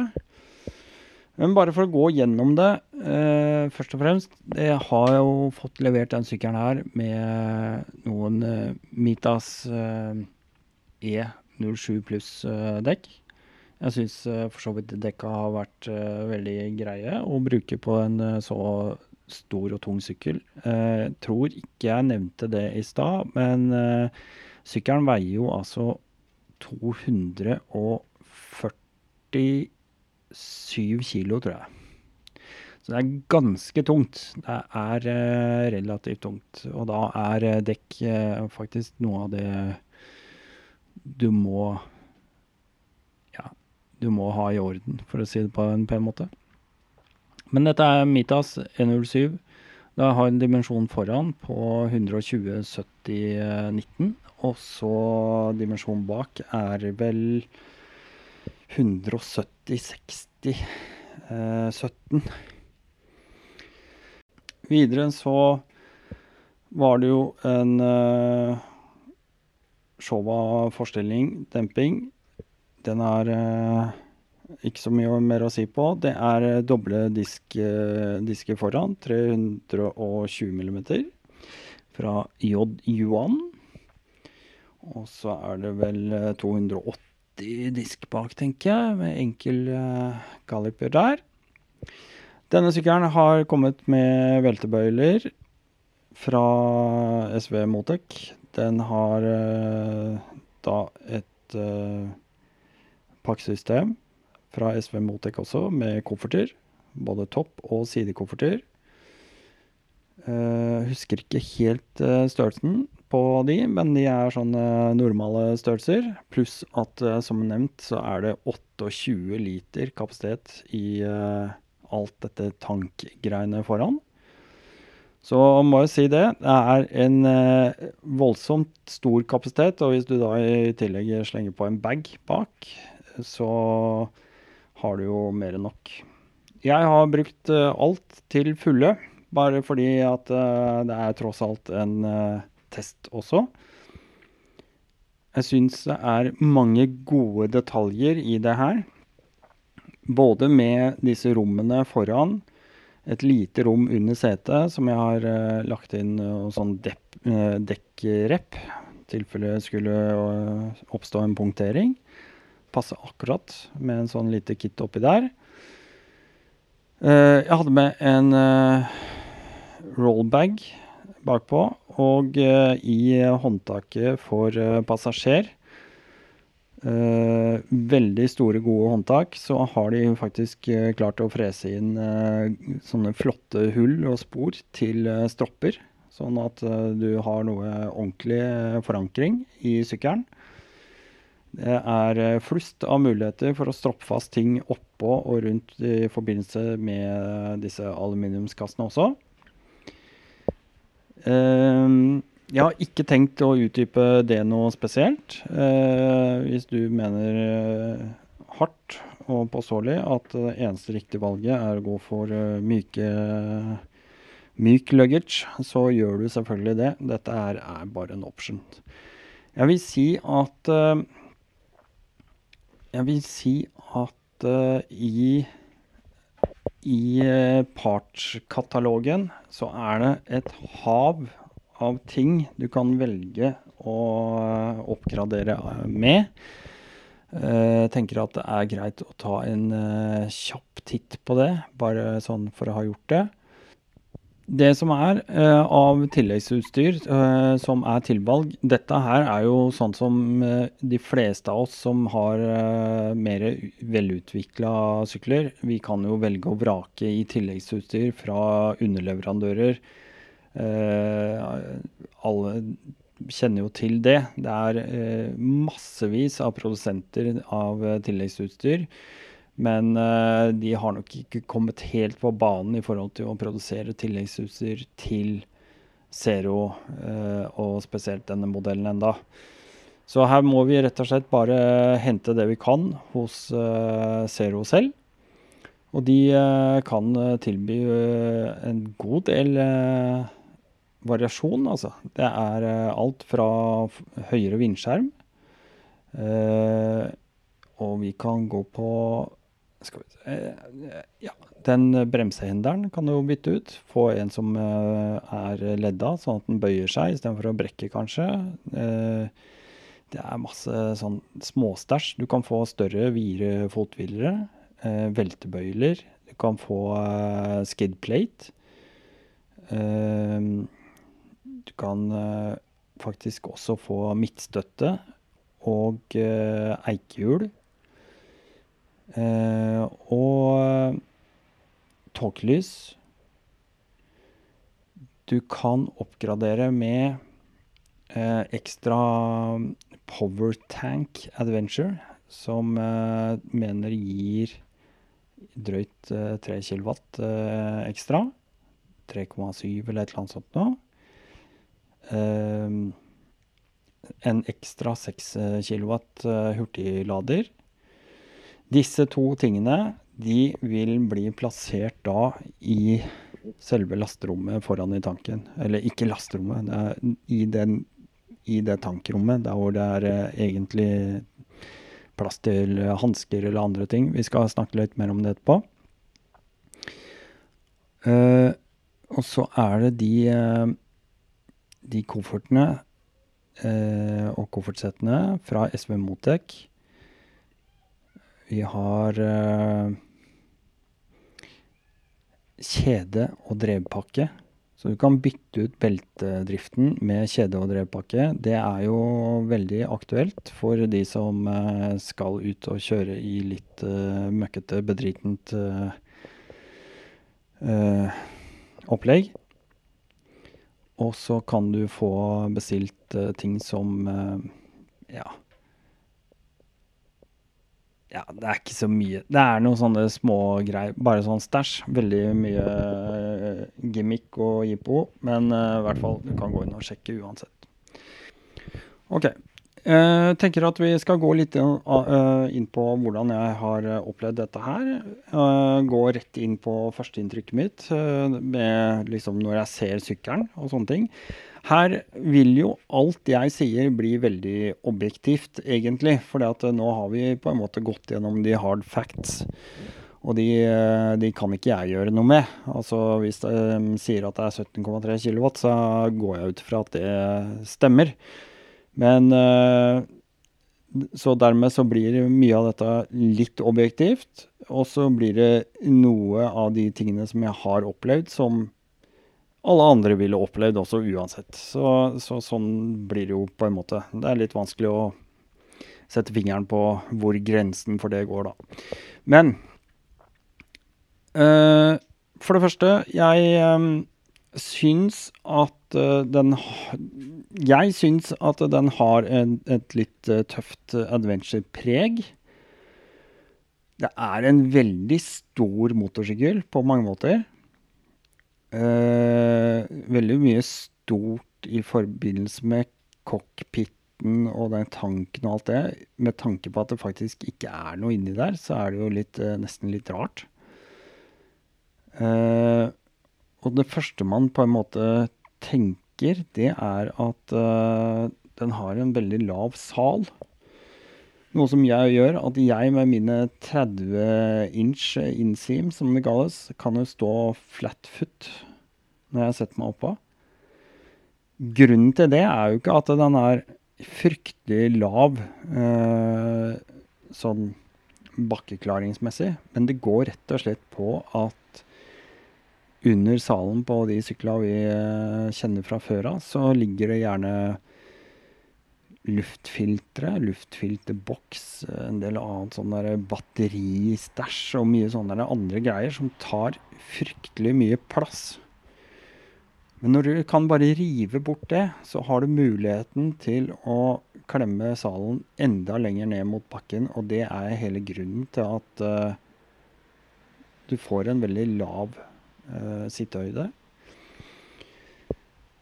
Jeg opplever det med en gang jeg setter meg på uten å ha kjørt noen vei, så har du en lav sittehøyde, og i og med at batteriet ligger veldig langt ned i ramma, så får du også en veldig og, og motoren, driv, drivmotoren, den ligger rett og slett i senter av uh, svingarmsaksjeren. Det er jo fordi at uh, det er beltedrift, og da har du eh, drivlinja bakover eh, som du ikke har mulighet til å ha slakk på, sånn som vi har med kjede. Og det, sånn sett så ligger da motoren akkurat der, og motor og batteri blir, eh, utgjør mange kilo, men ligger såpass langt ned at eh, det er ikke noe problem. OK. Uh, vi får ta det med en gang. jeg skal prøve å ta dette mens jeg går rundt og, og liksom prøver å huske. Jeg har ikke kunnet spille inn så veldig mye mens jeg har kjørt, og grunnen til det er at det har bøtte-bøtteregna. Det kjenner vi til, alle sammen. Så sånn har det bare vært. Men la oss begynne foran. Eh, denne sykkelen er jo utstyrt med tåkelys. Og så har den et uh, veldig godt uh, vanlig kjørelys. Den uh, har en vindskjerm som kan justeres mens man kjører. Det er et kjempedigert, fint ratt med serratering som man bare vrir på, og kan faktisk ja, skru opp høyden på vindskjermen ganske mye. Skal vi se, er det ja, det er faktisk Jeg husker ikke akkurat hvor mye det er nå, men det er ganske mye. I tillegg til at du kan få den touring-skjermen hvis du vil. Den har eh, det jeg vil kalle vindavvisere. Den har ikke handle eh, håndbeskyttere. Den har vindbeskyttere. Det er bare plastikk. Men de tar fint av for vind, og de tar litt moderat regn. Og eh, de vil nok eh, ta noen kvister og greiner også, hvis man eh, skulle være såpass at man eh, drister seg ut i litt småskog. Eller så er Ja, dashbordet er jo plassert på en fin måte. Oversiktlig og greit. Uh, skal gå veldig mye mer gjennom det. Det er uh, på venstre side så har man hornet der man pleier å kjenne til. Blinklys er som fint. Og så har man den multifunksjonsbryteren. Eh, man har fjernlys Eh, og fjernlysvarsling sittende foran, så man bruker pekefinger på den. Og så har man også en eh, varsellampe som man kan sette på de fire blinkersa samtidig, som man også kan gjøre på venstre side. På høyre side så er det jo litt rart, fordi at uh, Eller på venstre side er jo litt rart, fordi at vi har ikke clutch. Så den er uh, borte, og dermed så ser det jo faktisk nesten litt sånn uh, glissent ut. Men på høyre side så har vi jo nødstopp, og vi har eh, starter Nei, cruisekontroll. Bryter. Vi har jo ikke startbryter, så her er det brytere som mangler, og det er uh, hendel som mangler. Uh, videre så vil jeg si at speilene som sitter på, er veldig stabile og fine. Uh, har veldig god sikt i alle slags hastigheter. Eh, ikke så rart når det ikke er noe spesielt vibrasjon å snakke om. Det eh, skal sies nå at eh, når jeg kjørte av gårde, så føler jeg personlig at setet tilter litt framover. Sånn at man på en måte sklir eh, mot eh, tanken. Jeg kaller det tanken heretter. Alle vet at det ikke er noe bensin der, men sånn er det. sklir litt nedover mot den, men samtidig så er det ikke plagsomt. Det var bare en slags vanesak. Eh, jeg er 1,75 høy ca., normalbygd, og følte at jeg måtte lede meg litt grann eh, frampå for å holde i styret. Det syns jeg er litt slitsomt. Uh, noe som gjør at jeg skulle ønske jeg kunne regulert uh, styret litt bakover. Det er klart, jeg kan Man kan løsne styret og på en måte legge det bakover, men jeg skulle ønske at de hadde bygd en riser som man bare kunne snu, sånn at man kan regulere det enten framover eller bakover og beholde vinkelen på styret. Det hadde de fint med fordel kunne gjort. Det koster ikke noe ekstra å maskinere eh, den typen løsning. Så det hadde jeg satt pris på om de gjort. Eh, komfortmessig så syns jeg selv, vel å merke, selv om setet er lavt, så syns jeg at knevinkel eh, blei tålelig grei. Det skal sies at uh, du har ikke bremsepedal, som vi er vant til. Nei, uh, girpedal, unnskyld. Står jeg og ser på bremsepedalen. Man har jo ikke girpedal, så at uh, man kan på en måte vinkle fotbladet nedover uten at det hadde vært i, er i veien. Det føles jo ganske greit.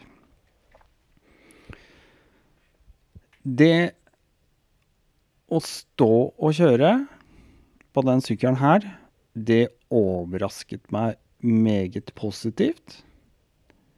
Jeg med mine 1,75 kunne stå veldig fint, litt naturlig framoverbøyd.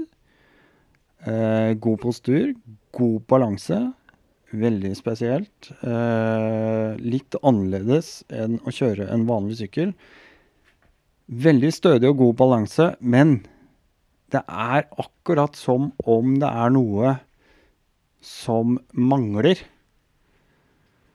Eh, ikke når man sitter og har hendene på styret og sånn, men hvis man slipper styret, så kjenner man at sykkelen er veldig stabil, men den har en eller annen slags krengning som Eller manglende stabilitet. Selv om den ikke mangler stabilitet. Det høres veldig dumt ut og motsigende ut.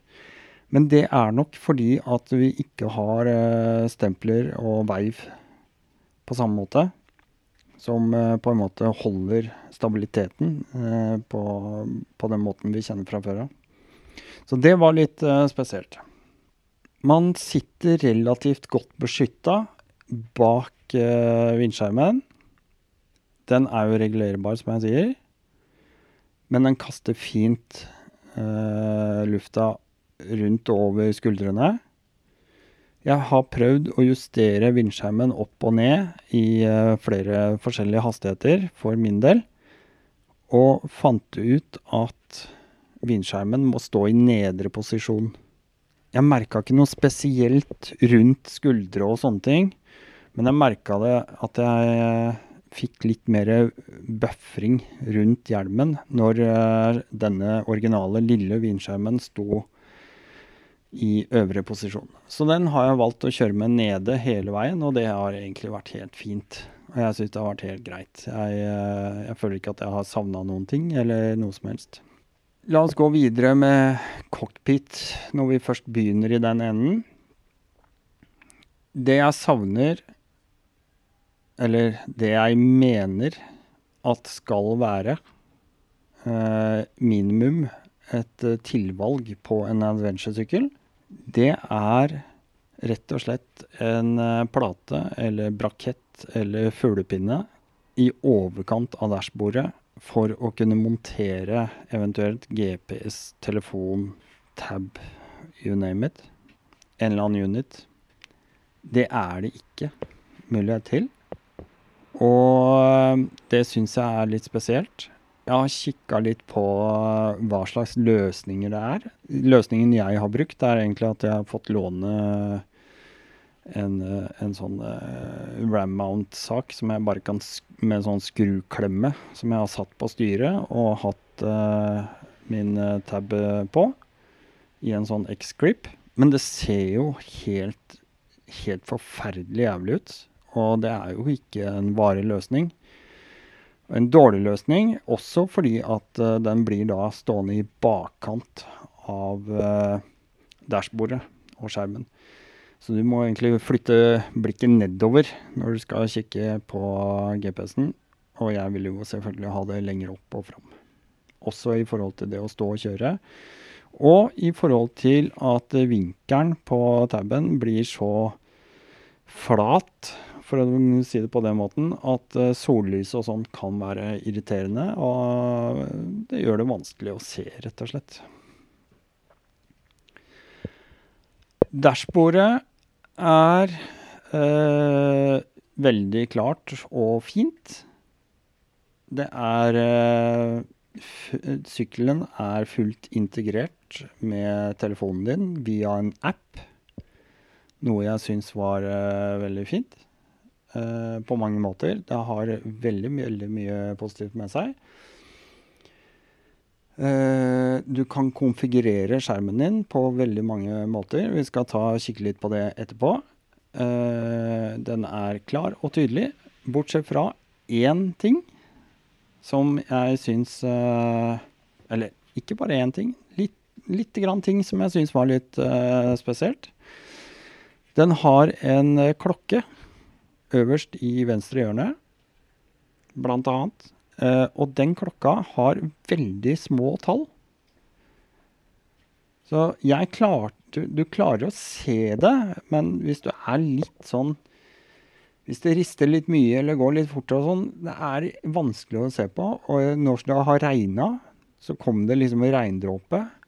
Og når den, det, er, det er nok med én regndråpe til å liksom flytte hele ja, Hvis det står 1750, så ser du bare 50. Eh, eller 17. Sånn at én eh, regndråpe er nok til å forstyrre det synet. Og dermed så skulle jeg ønske at de tallene var like store og synlige som f.eks. tripp A, tripp B, eh, temperaturvisning og eh, den beregna kjørelengden du har igjen. Jeg kommer til å legge ut litt bilder av det her på min Instagram, så det er bare å gå inn og sjekke rally.nord på Instagram, så skal du nok finne den der. Uh, alle bilder i forbindelse med den testen her ligger ute på Project Zero. DSRX. Så kan du følge hashtaggen og få alle bildene derifra, i hvert fall. Ok, vi går videre. Vi skal snakke om appen etterpå. Jeg vil gå tilbake til uh, bryterne. Multifunksjonsbryter på venstre side funker utmerket. Jeg er, uh, det er kjempegøy å bruke den. Den er uh, veldig brukervennlig, fin. Gir deg mulighet til å rett og slett endre kjøremodus mens du kjører. Den ligger jo forhåndsprogrammert med flere moduser. Det er eco, normal, Canyon Sport og Rain, som er moduser som ligger inne fra før av. Disse kan du enkelt bytte mellom mens du kjører. Så, men det du må gjøre, er at uh, du uh, Først må du inn, klikke, og så flytte til den kjøremodusen du vil ha. Så bare trykker du 'yes', den vil jeg ha, og så må du slippe gassen. Så den må på en måte nullstille ECU-en ikke sant, for å endre kjøremodus. Så det betyr at ligger du i 90 på motorveien, og du må slippe gassen fordi du skal over i rain så må du beregne at du, du slipper ned en fem, kanskje fem eller syv kilometer i timen. Så du må være litt på den igjen. Det er sånne tilvenningssaker. Uh, og så har den jo eh, noe som jeg aldri har vært helt bortskjemt med, og det er cruise control. Eh, cruise control er en bryter på høyre side. Jeg har tatt litt bilde av den fordi at uh, det er en veldig enkel variant av cruise control. Det er en enkel knappebryter, rett og slett.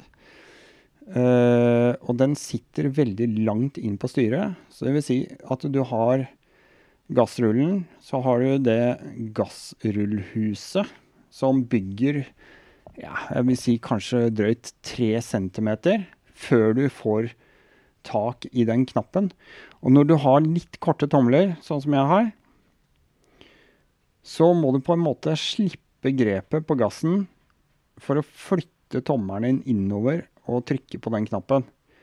Vil si at pekefingeren må forlate gassen, og så skal du trykke For å aktivere krysskontroll så må du trykke og holde den. Og så må du finne hastigheten du skal i. Og så må du trykke veldig kjapt en gang for å låse den. Poenget er bare at når du gjør det, og du har på en måte sluppet grepet i gassrullen, så begynner du å jukke med gassen samtidig. Noe som jeg finner veldig plagsomt. Og, og, og det er Ja, jeg syns det, det var litt vanskelig eh, på mange måter. Når cruisekontrollen er aktivert, f.eks. la oss si du har låst den i 70 km i timen, så skjer det en del ting som jeg har lyst til å nevne. Det er bra at du fortsatt i 70 så kan du gi gass og ta en forbikjøring, f.eks. La oss si du bare brenner opp i 90 bare for å komme fra forbi en lastebil, og så vil du ned i 70 igjen, så er det bare å slippe gassen, så legger den seg i 70. Kjempefint. Men så er det det at øh, hvis du f.eks. møter en bakke, la oss si en litt bratt bakke, og du ligger i 70, og du følger med på speedometeret Når du kommer i bakken, så plutselig ligger du i 63-64 km i timen. Og det forteller meg at cruisekontrollen fungerer på den måten at um, den låser ikke på fart på selve hastighet, men den låser på power, altså energi. Så i og med at du får mer motstand, så, og du vil bruke like mye energi ut, så får motoren såpass mye motstand at uh, den dropper i hastigheten. Her burde det vært konfigurert på en annen måte, sånn at den låser seg til uh, reell hastighet og ikke på kraft.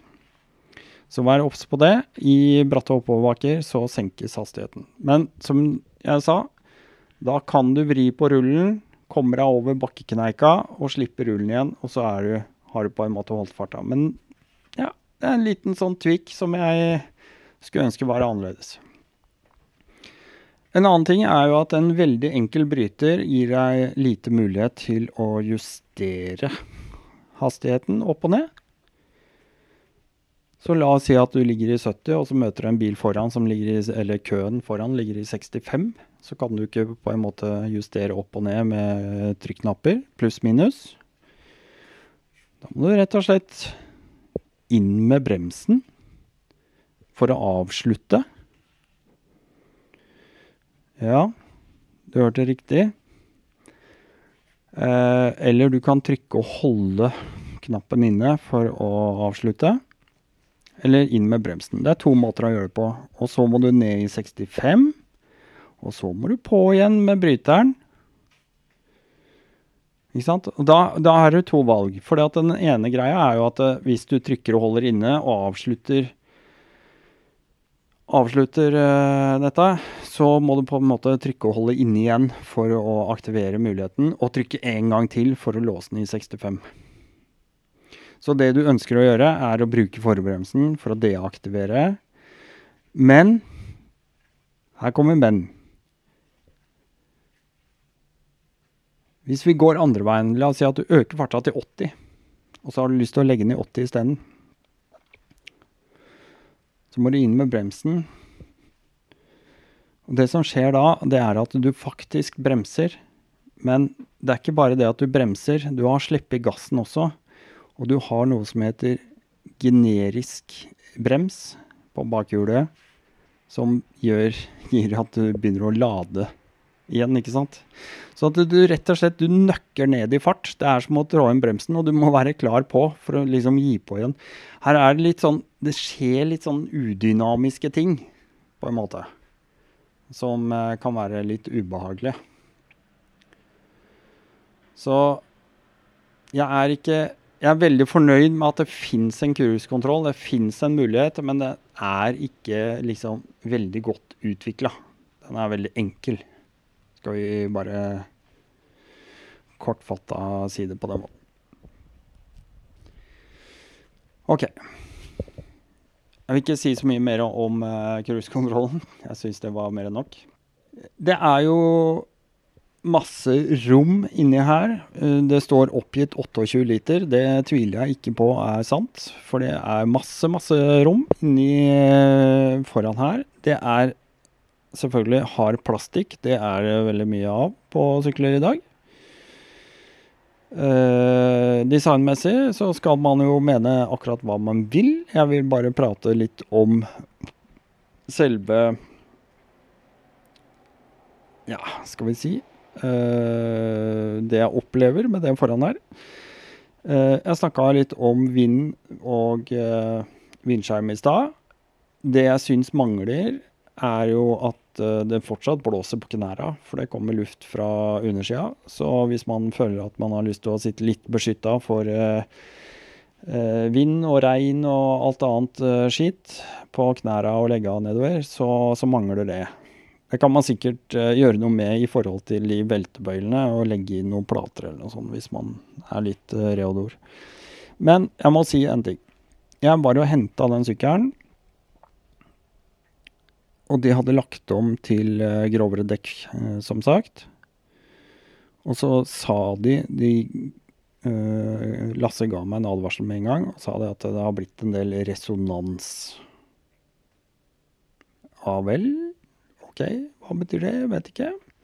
Det vil si at det støyer litt i Og skramler litt i den plasten foran. I tanken og kåpa og alt det greiene her. Og det stemte, det. Det skrangler uh, faktisk uh, ganske mye. Og jeg kjører med ørepropper uansett. Det er sikkert mange som ikke gjør det, men jeg gjør det fordi at jeg må prøve å ta vare på den hørselen jeg har igjen. Og det Jeg kan skjønne det at de beklager det lite grann. Det er liksom på grunn av de grove knastene så rister det såpass mye. og får en resonans. Men for meg så betyr det at designavdelingen har fått uh, mer makt enn uh, testavdelingen. Uh, og at de har gått for en litt ja, litt for simpel løsning i forhold til å skru dette sammen. for det støyer ganske mye, altså.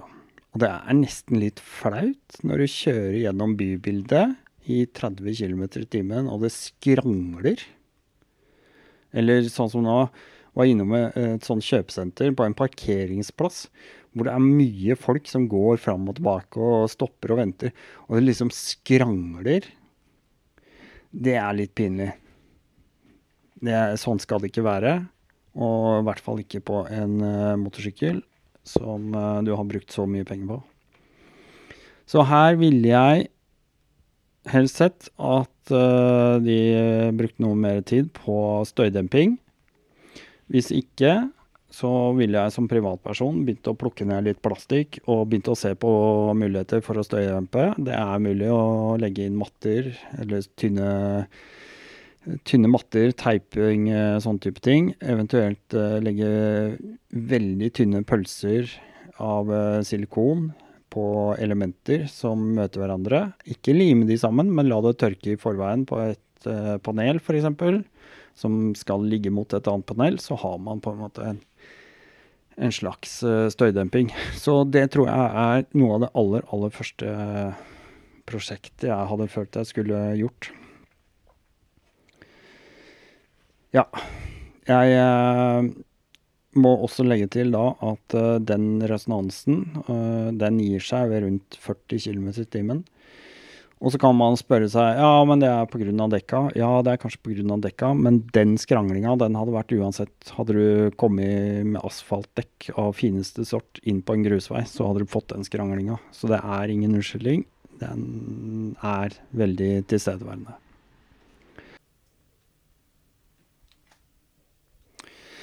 Tenker også at det er verdt å nevne at eh, det store rommet i midten av tanken, det er låsbart. Så det er eh, integrert med samme nøkkel som tenninga. Det er eh, veldig fint å ha én nøkkel som passer eh, til de tingene. Men og, og rommet er kjempestort. Veldig fint. Jeg har hatt alt fra kamera, brus, eh, brusflasker til eh, sjokolade og opptaksutstyr, og capsen min kan bare ligge ukrølla på toppen. Altså det, er, det er et kjemperom, og veldig, veldig fint. Det betyr også at uh, man gjerne må ha tilgang. Uh, opp og ned, opp og ned, opp og ned. Men problemet er bare det at jeg syns det er litt ergerlig at jeg må skru av tenninga på sykkelen og ta ut nøkkelen for å låse det opp. Så jeg skulle ønske at det var en slags trykkfunksjon, så jeg bare kunne trykke på lokket, og så hadde det sprettet opp. Og så at jeg hadde muligheten til å låse det når jeg går fra sykkelen. Det syns jeg kanskje hadde vært eh, Det hadde vært det beste for meg. Ingen stor greie, men allikevel, det, den er nå engang sånn. Uh, ja. Ellers så kjøreergonomisk så er den eh, veldig god å kjøre. Den er stabil i uh, svinger og det uh, ene og det andre. Det er litt annerledes, kanskje fordi sykkelen er litt ny for meg. Jeg liker stabiliteten.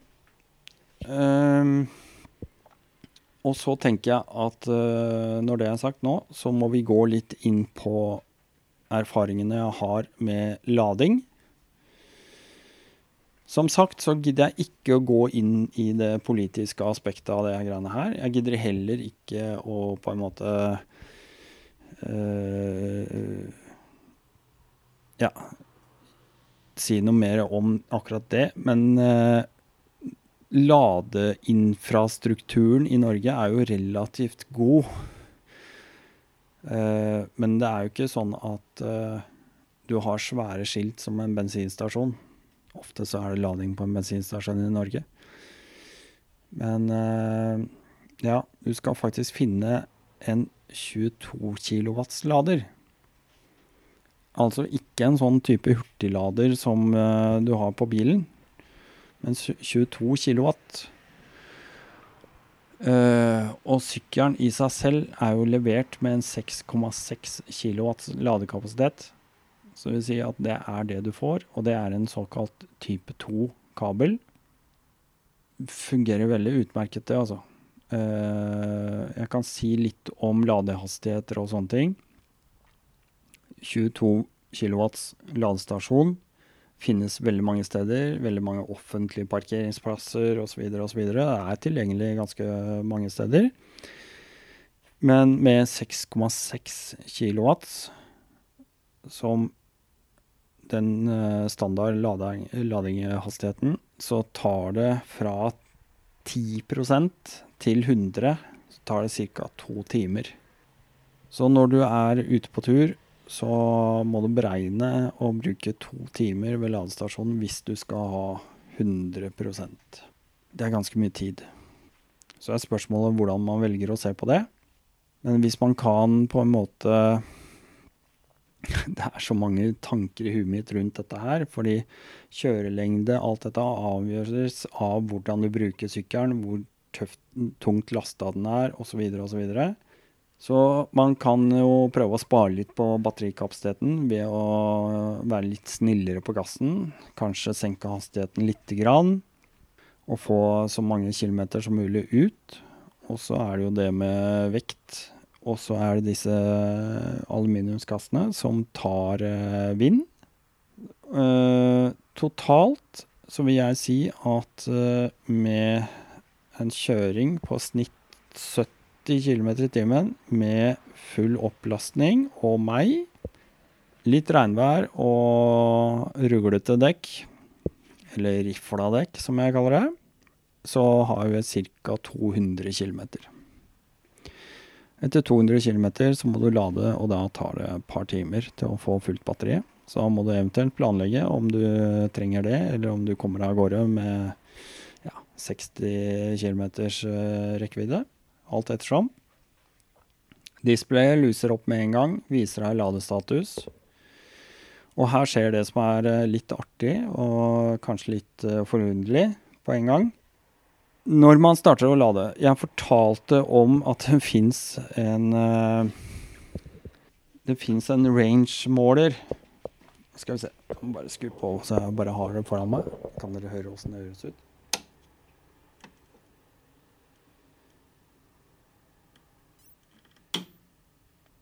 Sånn. Tripp, selvfølgelig. Tripp A står det her. Vi er vant til at vi kan styre disse trippmålerne sjøl og nulle dem sjøl og sånne ting. Denne gjør ikke det. Eh, jeg har ikke funnet en måte å gjøre det på. Men tripp A Hvis du lader fra eh, la oss si 20 til 60 eh, så vil den trippen den vil bare fortsette der han sto når du begynte å lade. Men hvis du lader opp til 100% så nuller den seg. Det er litt spesielt. Uh, ja. Det er, det er, faktisk veldig spesielt. Uh, men, men, sånn er det nå en gang. Uh, og så må jeg huske å ta med at den har en del Ja, nå skal vi ta ladinga først. Uh, hvis du lader hjemme i garasjen din f.eks., eller en stikkontakt, eller hva det gjør for noe Nå skal jeg ikke fortelle deg om det er lovlig eller ikke, for det har ikke jeg noe greie på. Uh, så skal det sies at du får en ladekabel som jeg skal legge ut bilde av, med en bitte liten sånn uh, ekstra klump på, med sånn Resett-knapp og litt sånn på. Og i, integrert i selve ladeskoen så er det en knapp, og der via eh, en sånn liten LED-lampe og noe blinking og noen koder og sånt noe, så kan du justere om du vil lade på 6, 8, 10 eller 16 ampere. Og det er en veldig, veldig kul uh, greie. For det betyr at uh, du kan velge ut fra hva slags sikring du, uh, sikringskurs du går på. Eventuelt hvis du skal lade over natta, så kan du jo lade litt saktere. Eller hvis du f.eks. har en uh, kurs som det går uh, et par lamper og litt andre ting på samtidig, så kan du gå helt ned i 6 eller 8 ampers lading. Da får du en mye lengre ladetid, da. Jeg kjørte denne sykkelen her ned til 1% Tro det eller ei. Jeg kjørte helt ned til 1 og når jeg kobla i 10 ampers lading da, så hadde den en ladetid på seks timer. Så det er jo helt ok, det, når, når du skal parkere om natta. Det uh, eh, syns jeg er kjempefint. Når det gjelder laderen, så kan du jo, som vi sa, få en uh, ekstra sånn uh, power ja, ekstra lader, sånn ladeboost, som gir deg 12,7. Og ut fra det jeg sa da, med at eh, med 6,5 kilowatt bruker du én time, nei to timer, så stemmer det nok som de sier, at du bruker ca. én time med en sånn ekstra powerlader. De jobber i teknologien med en uh, option, sånn at du får ordentlig hurtiglader, sånn som eh, Kademo-lading, som du gjør på bil. Og da snakker vi nok om å lade opp den her i løpet av ja, fram til 80 eh, i hvert fall, på en halvtimes tid.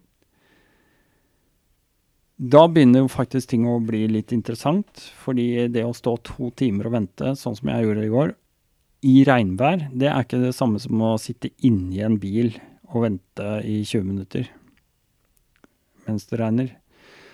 Så det å lade underveis, det er eh, relativt uh, utfordrende, kan det være. Hvis du ikke er sånn veldig sånn godt psykisk eh, forberedt på det, og, og liksom bare Ja, sånn er det. OK. Mye informasjon. Jeg må også nevne det at denne kommer jo med heated grips. Den har uh, varmeholker. De fungerer veldig greit. Eh, kombinasjonsbryter. Som du, den kombinasjonsbryteren funker også på varmeholkene, og den eh, husker settingsene dine fra sist gang. Så hvis du har parkert den med eh, Altså, du har tre reguleringer av Uh, Ja, det er et par settinger. Så husker den den settingen til neste gang. Det samme gjør også den ladekabelen, forresten. Der hvor jeg sa du kan velge mellom 6, 8, 10 og 16. Så det du programmerer den til, det husker den til neste gang. Så ikke vær redd for at hvis du har satt den på 10 ampere, for det er det du har hjemme, eh, eller 16 ampere, for du er eh, lada hos noen andre og kommer hjem og du må ha 10 ampere, eh, ja, så må du huske å programmere uansett. OK. Eh, er ikke alltid så veldig lett å huske. Noen ganger husker jeg litt fram og tilbake her, kjenner jeg. Mye prating. Personlig har jeg kjørt litt Jeg har kjørt en god del tet nå. Demperne var De er Kom originalt da, levert som type gummiku. Jeg lurer på om det har rett og slett med at det er sånn amerikanske mennesker liker det. Men som sagt, det er fullt justerbare dempere, og jeg tok meg tida til å justere bakdemperen, for der kan du justere preload.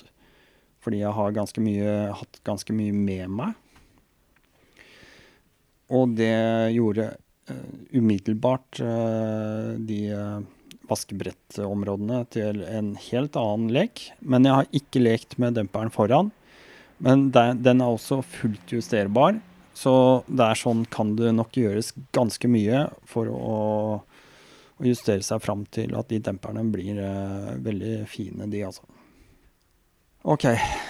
Uh, tet. Det å komme på elsykkel som det her, på tet, det syns jeg egentlig var veldig behagelig, personlig. Det vil jo selvfølgelig være objektivt om du klarer syns det er hyggelig eller ikke. Men de det jeg satte pris på egentlig, det var at jeg kan på en måte gå inn i stealth mode og bare kjøre gjennom disse her gårdstunene og steder og kuer som ikke engang gidder å vri på huet. De reagerer ikke. Uh, jeg merka at jeg fikk nesten noe litt sånn merkelig blikk, for folk Jeg tror ikke folk helt skjønte hva, hva er det med det her Fordi at det ikke var noe lyd. Uh, så kan man jo alltids argumentere for eller imot. Jeg har ikke tenkt å gå inn i en sånn diskusjon uansett, hvem som prøver det. Men det syns jeg på mange måter var veldig, veldig bra. Uh, det å være på tur med en elsykkel var i det store og det hele helt greit, inntil du finner ut at du må lade. Så på en adventure så blir det jo Selv om du har 20 mils rekkevidde, så må du legge inn en lading hvis du skal ha 40 mil, på to timer. Og det sier jo litt. Og det er jo ikke sånn at uh, du kan uh, stoppe midt ute i skogen og dra fram matpakka di, sånn som du ville gjort. Dratt fram og kokt deg litt kaffe ute i skogen mens den er lader. Du må liksom inn til et sted hvor du kan lade. Og så sitte i bybildet eventuelt og koke kaffe. Hvis du holder på å gå tom for strøm midt oppå et eller annet sted, og kan du jo håpe at det er en hyttevegg eller en eller annen eh, bonde som du kan få bomme litt strøm av. Tenk litt på det. Det var noen karer som sto og gravde ei grøft. Så tenkte jeg fy fader, hadde jeg vært tom for strøm her, så måtte jeg ha spurt om jeg kunne hjelpe til mot at jeg fikk eh, lada en stund. Sånne ting kunne jo vært interessant. Så eh, veldig, veldig mange aspekter, rett og slett. Igjen. Yes. Ok. Uten å gå inn på diskusjonen om elsykkel eller ikke, så må vi konkludere. Og da tenker jeg at jeg trenger å ta meg en liten øl. For her kan det bli eh, en del kameler å svelge, selvfølgelig. Skal vi se. Um, elsykkel er uten diskusjon noe vi må regne med er kommet for å bli. Det er jo sånn at vi som bor i Norge, vi har en myndighet som uh, regulerer oss uh, hardt og brutalt. Uh, og vi har allerede fått så mange intensiver i forhold til det å drive med elbil at uh, dette her er på full fart inn i motorsykkelverdenen også, tohjulsverden. Mopeder er jo allerede fjerna og erstatta med elektriske mopeder. Så 16-åringen som skal ha moped, han får uh, Hvis han skal ha en ny, ny moped, så er den på batteri.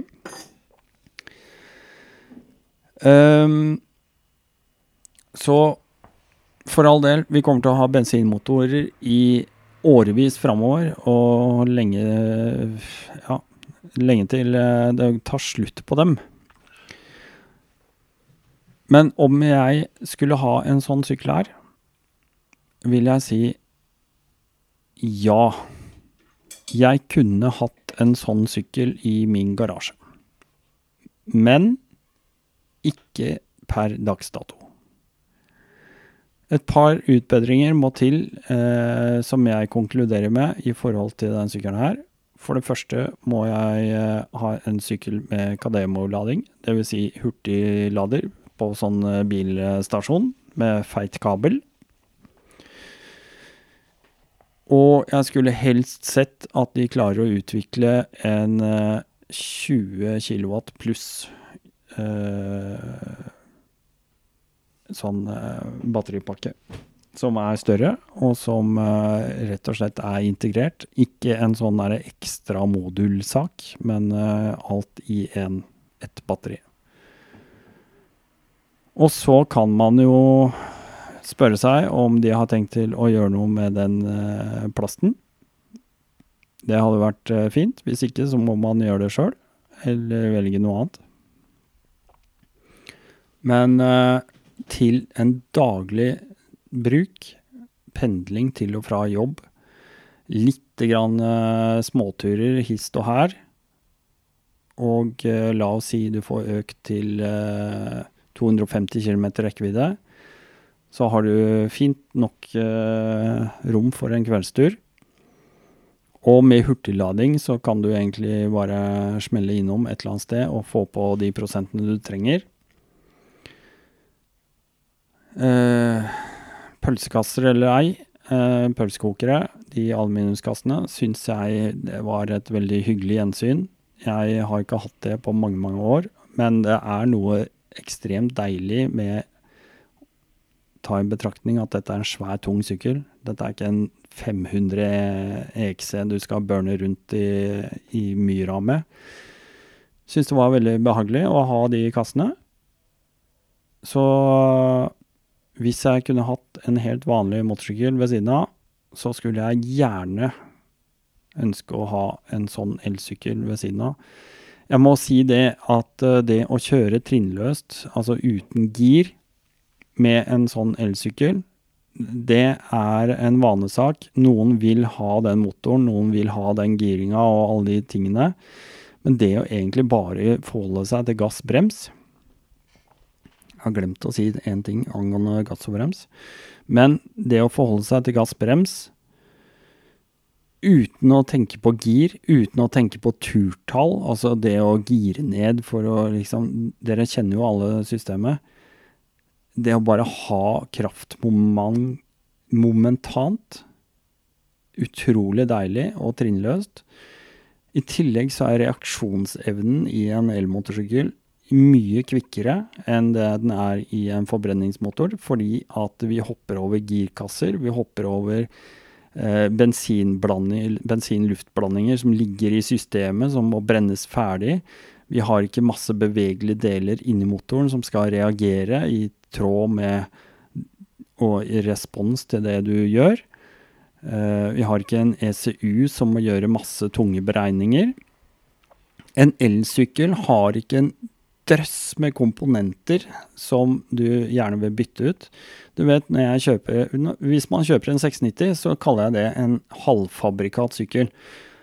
For når den er ute av butikken, så ok, den starter og går, og det er det den gjør, men du vil gjerne, ikke sant. Du skal bytte eksos, og så skal du ha nytt innsug, og så skal du ha powermapping, og du skal ha ditt og datt og datt og datt. Masse sånne ekstrautstyr. Fordelen også, har vi vært inne på 100 ganger, med en elsykkel, det er jo Det er mye rimeligere alternativ i drivstoffutgifter. Det er midt og smule når det snakkes om uh, servicekostnader. De samme tingene vi kan Altså det vi kjenner igjen, det er dekk, det er bremseklosser, skiver. Uh, ikke sant? Altså må du bytte styrelager, så må du bytte styrelager og sånne ting. Men du har ikke motorkomponenter, du har ikke olje, du har ikke filtre, du har ikke luftfiltre.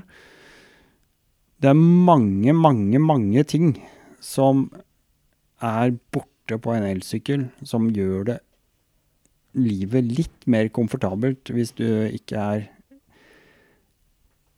Nå skal vi ikke ta fram de der som har 50-tallssykler og elsker å skru og bensin og blanding og forgasser og alt det. Dette dreier seg ikke om det. Det, det dreier seg om nytte. OK? Så det er liksom et helt annet aspekt, da. Og så kan man mene akkurat hva man vil, selvfølgelig.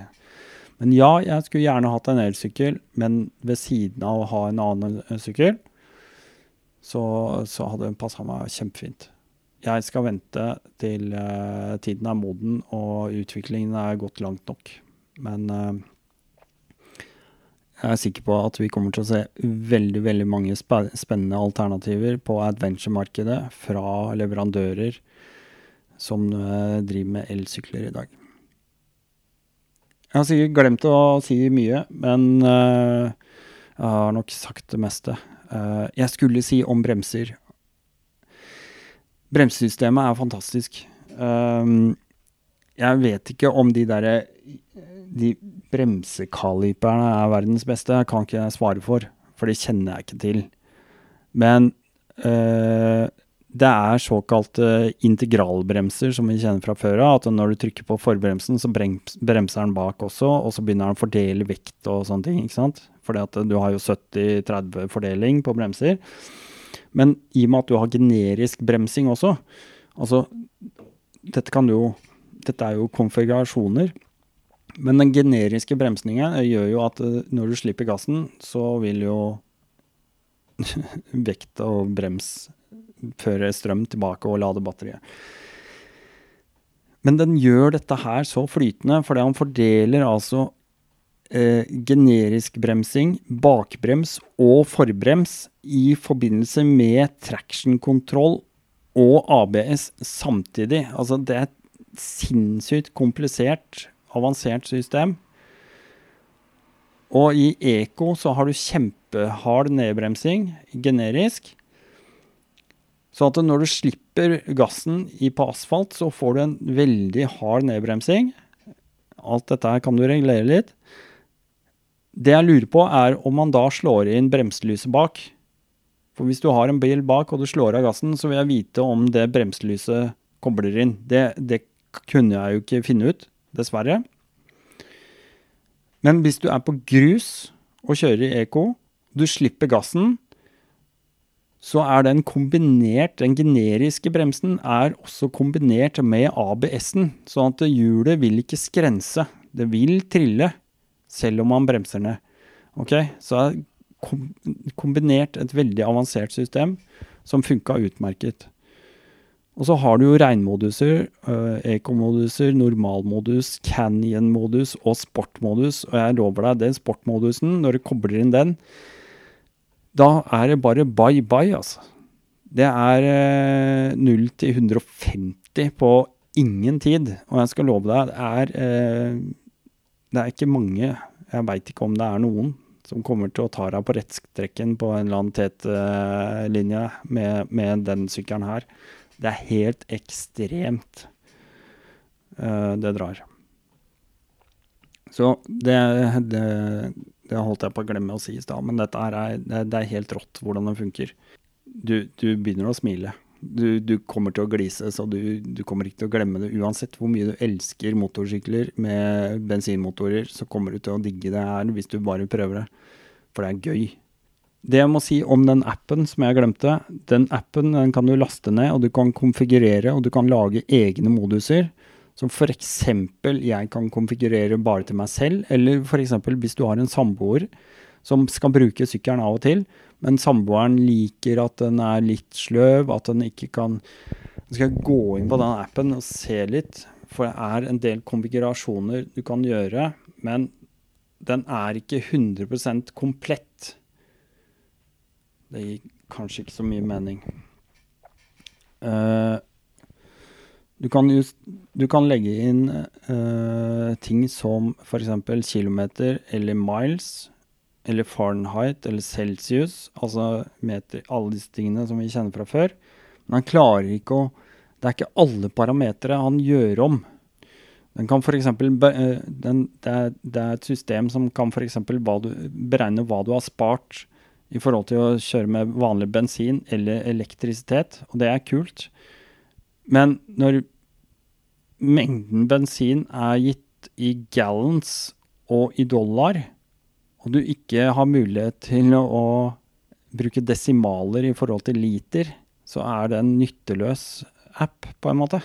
Men jeg kan gå inn og lage egne moduser eh, hvor jeg kan legge inn torque, topphastighet, generisk nedbremsning.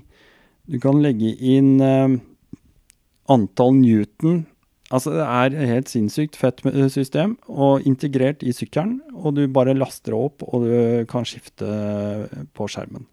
Det er kjempekult. Mange, mange kule ting, men det er fortsatt ikke 100 utvikla. Nå orker jeg ikke mer å prate med. Nå har jeg prata på inn- og utpust i halvannen time.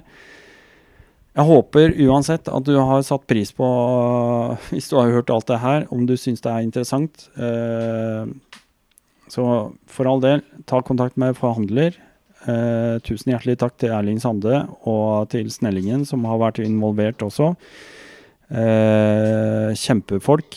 Eh, tusen takk for lånet. Jeg håper virkelig at eh, dere får eh, litt fart på dette her, at vi ser flere. Fordi at det er et marked. Det fins eh, et marked for det her. Og jeg er sikker på at en del mennesker kunne etter hvert blitt fortrolig med å gå over til elmotorsykkel, akkurat som det har blitt fortrolig og gått over til elbil. Eh, det er bare det at du må finne liksom balansen i det.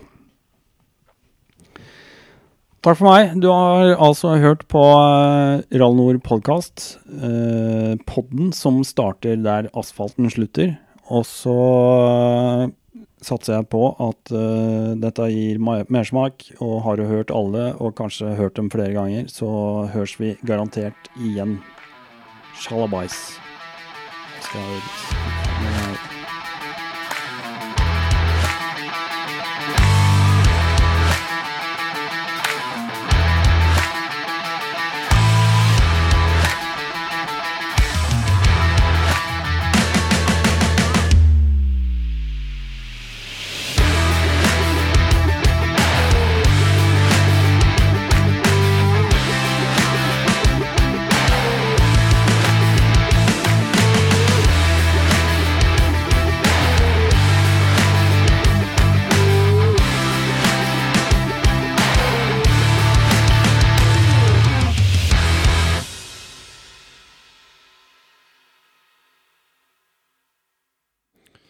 Med den nydelige jinglen der, dere, så runder vi av denne episoden, altså. Det blei altså nesten to og en halv time totalt.